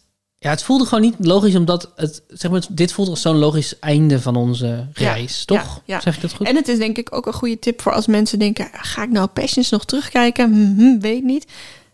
Ga dus die 2020 best-of versie kijken. Want er komen best wel veel beelden voorbij die wij hebben besproken. Toen dacht ik, dacht, dit is eigenlijk de leukste aflevering denk ik voor onze luisteraars om te kijken. Ja. Niet voor ons, want wij dachten, ja, dit ken ik al, dit ken ik al, dit ken ik al. Nee, ik denk dat het daar is. Ja. Je krijgt een, een soort van eh, overview van alle verschillende Jezusen die er zijn geweest. De verschillende manieren waarop dat podium eruit heeft gezien. Ja. Er is nog een mug op het hoofd van Johnny de Mol. Het is echt top. Wij gaan hem vanavond wel kijken. Eh wij gaan er denk ik ook nog wel iets over zeggen in een soort bonus aflevering ding vormpje. Dus we zijn nog een beetje aan het overleggen over hoe we dat het beste gaan doen. Maar als je nou vanavond kijkt en je hebt gevoelens, ideeën, grapjes. Je ziet het en je denkt, oh, hier wil ik dat ze het over hebben. Maar hoezo gebeurde dit opeens? Dit vind ik een rare keuze. Tycho Gernand. Nou ja, al die dingen. Ehm, je kan ons mailen. Daarvoor hebben we het e-mailadres puzzelbrunch.gmail.com. Dat is normaal ons, voor onze andere podcast. Maar om nou voor deze ene keer een ander e-mailadres aan te maken... is ook een beetje onzin. Dus puzzelbrunch.gmail.com. Puzzel met Z-E-L, niet met... Gewoon zoals het Nederlands wordt puzzel. Ja.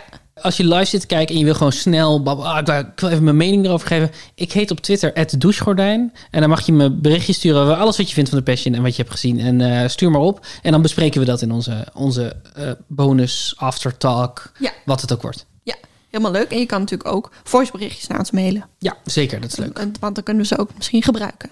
Dat vinden we ook leuk. Hoeft niet, kan wel. En dan willen we jullie heel erg bedanken als jullie tot hier hebben gered. In onze binge-reis. Ja, en ik ben wel blij, ik ben blij dat we deze reis hebben gemaakt. Ik, ik vind dat we, dat we negen super interessante gesprekken hebben gehad met interessante mensen. Ja. Ehm, ik heb het idee dat ik jou beter heb leren kennen. Ik heb het idee dat ik mezelf beter heb leren kennen. Ik heb het idee dat ik Jezus beter heb leren kennen. Ik heb het idee dat ik Robert de Brink beter heb leren kennen. Ja, en dat is ook iets waard. Dus dit is de laatste aflevering van Passion Bench. Wellicht dat we in een bonus van 2021 bespreken. In Roermond. Dit was Passion Binge. Met dank aan onze gasten Ivo van Aert, Katie Dijgen, Jesse de Vries, Jeroen Kallaars, Iduna Paalman, Daphne Holtland, Frank van Kasteren, Rick Mouwen, Koen Cornelis, Jilles Vlinderman en Nienke de Jong. Onze muziek was van Amir Fahidi en onze mysterieuze voice-overstem was Hanneke Hendricks.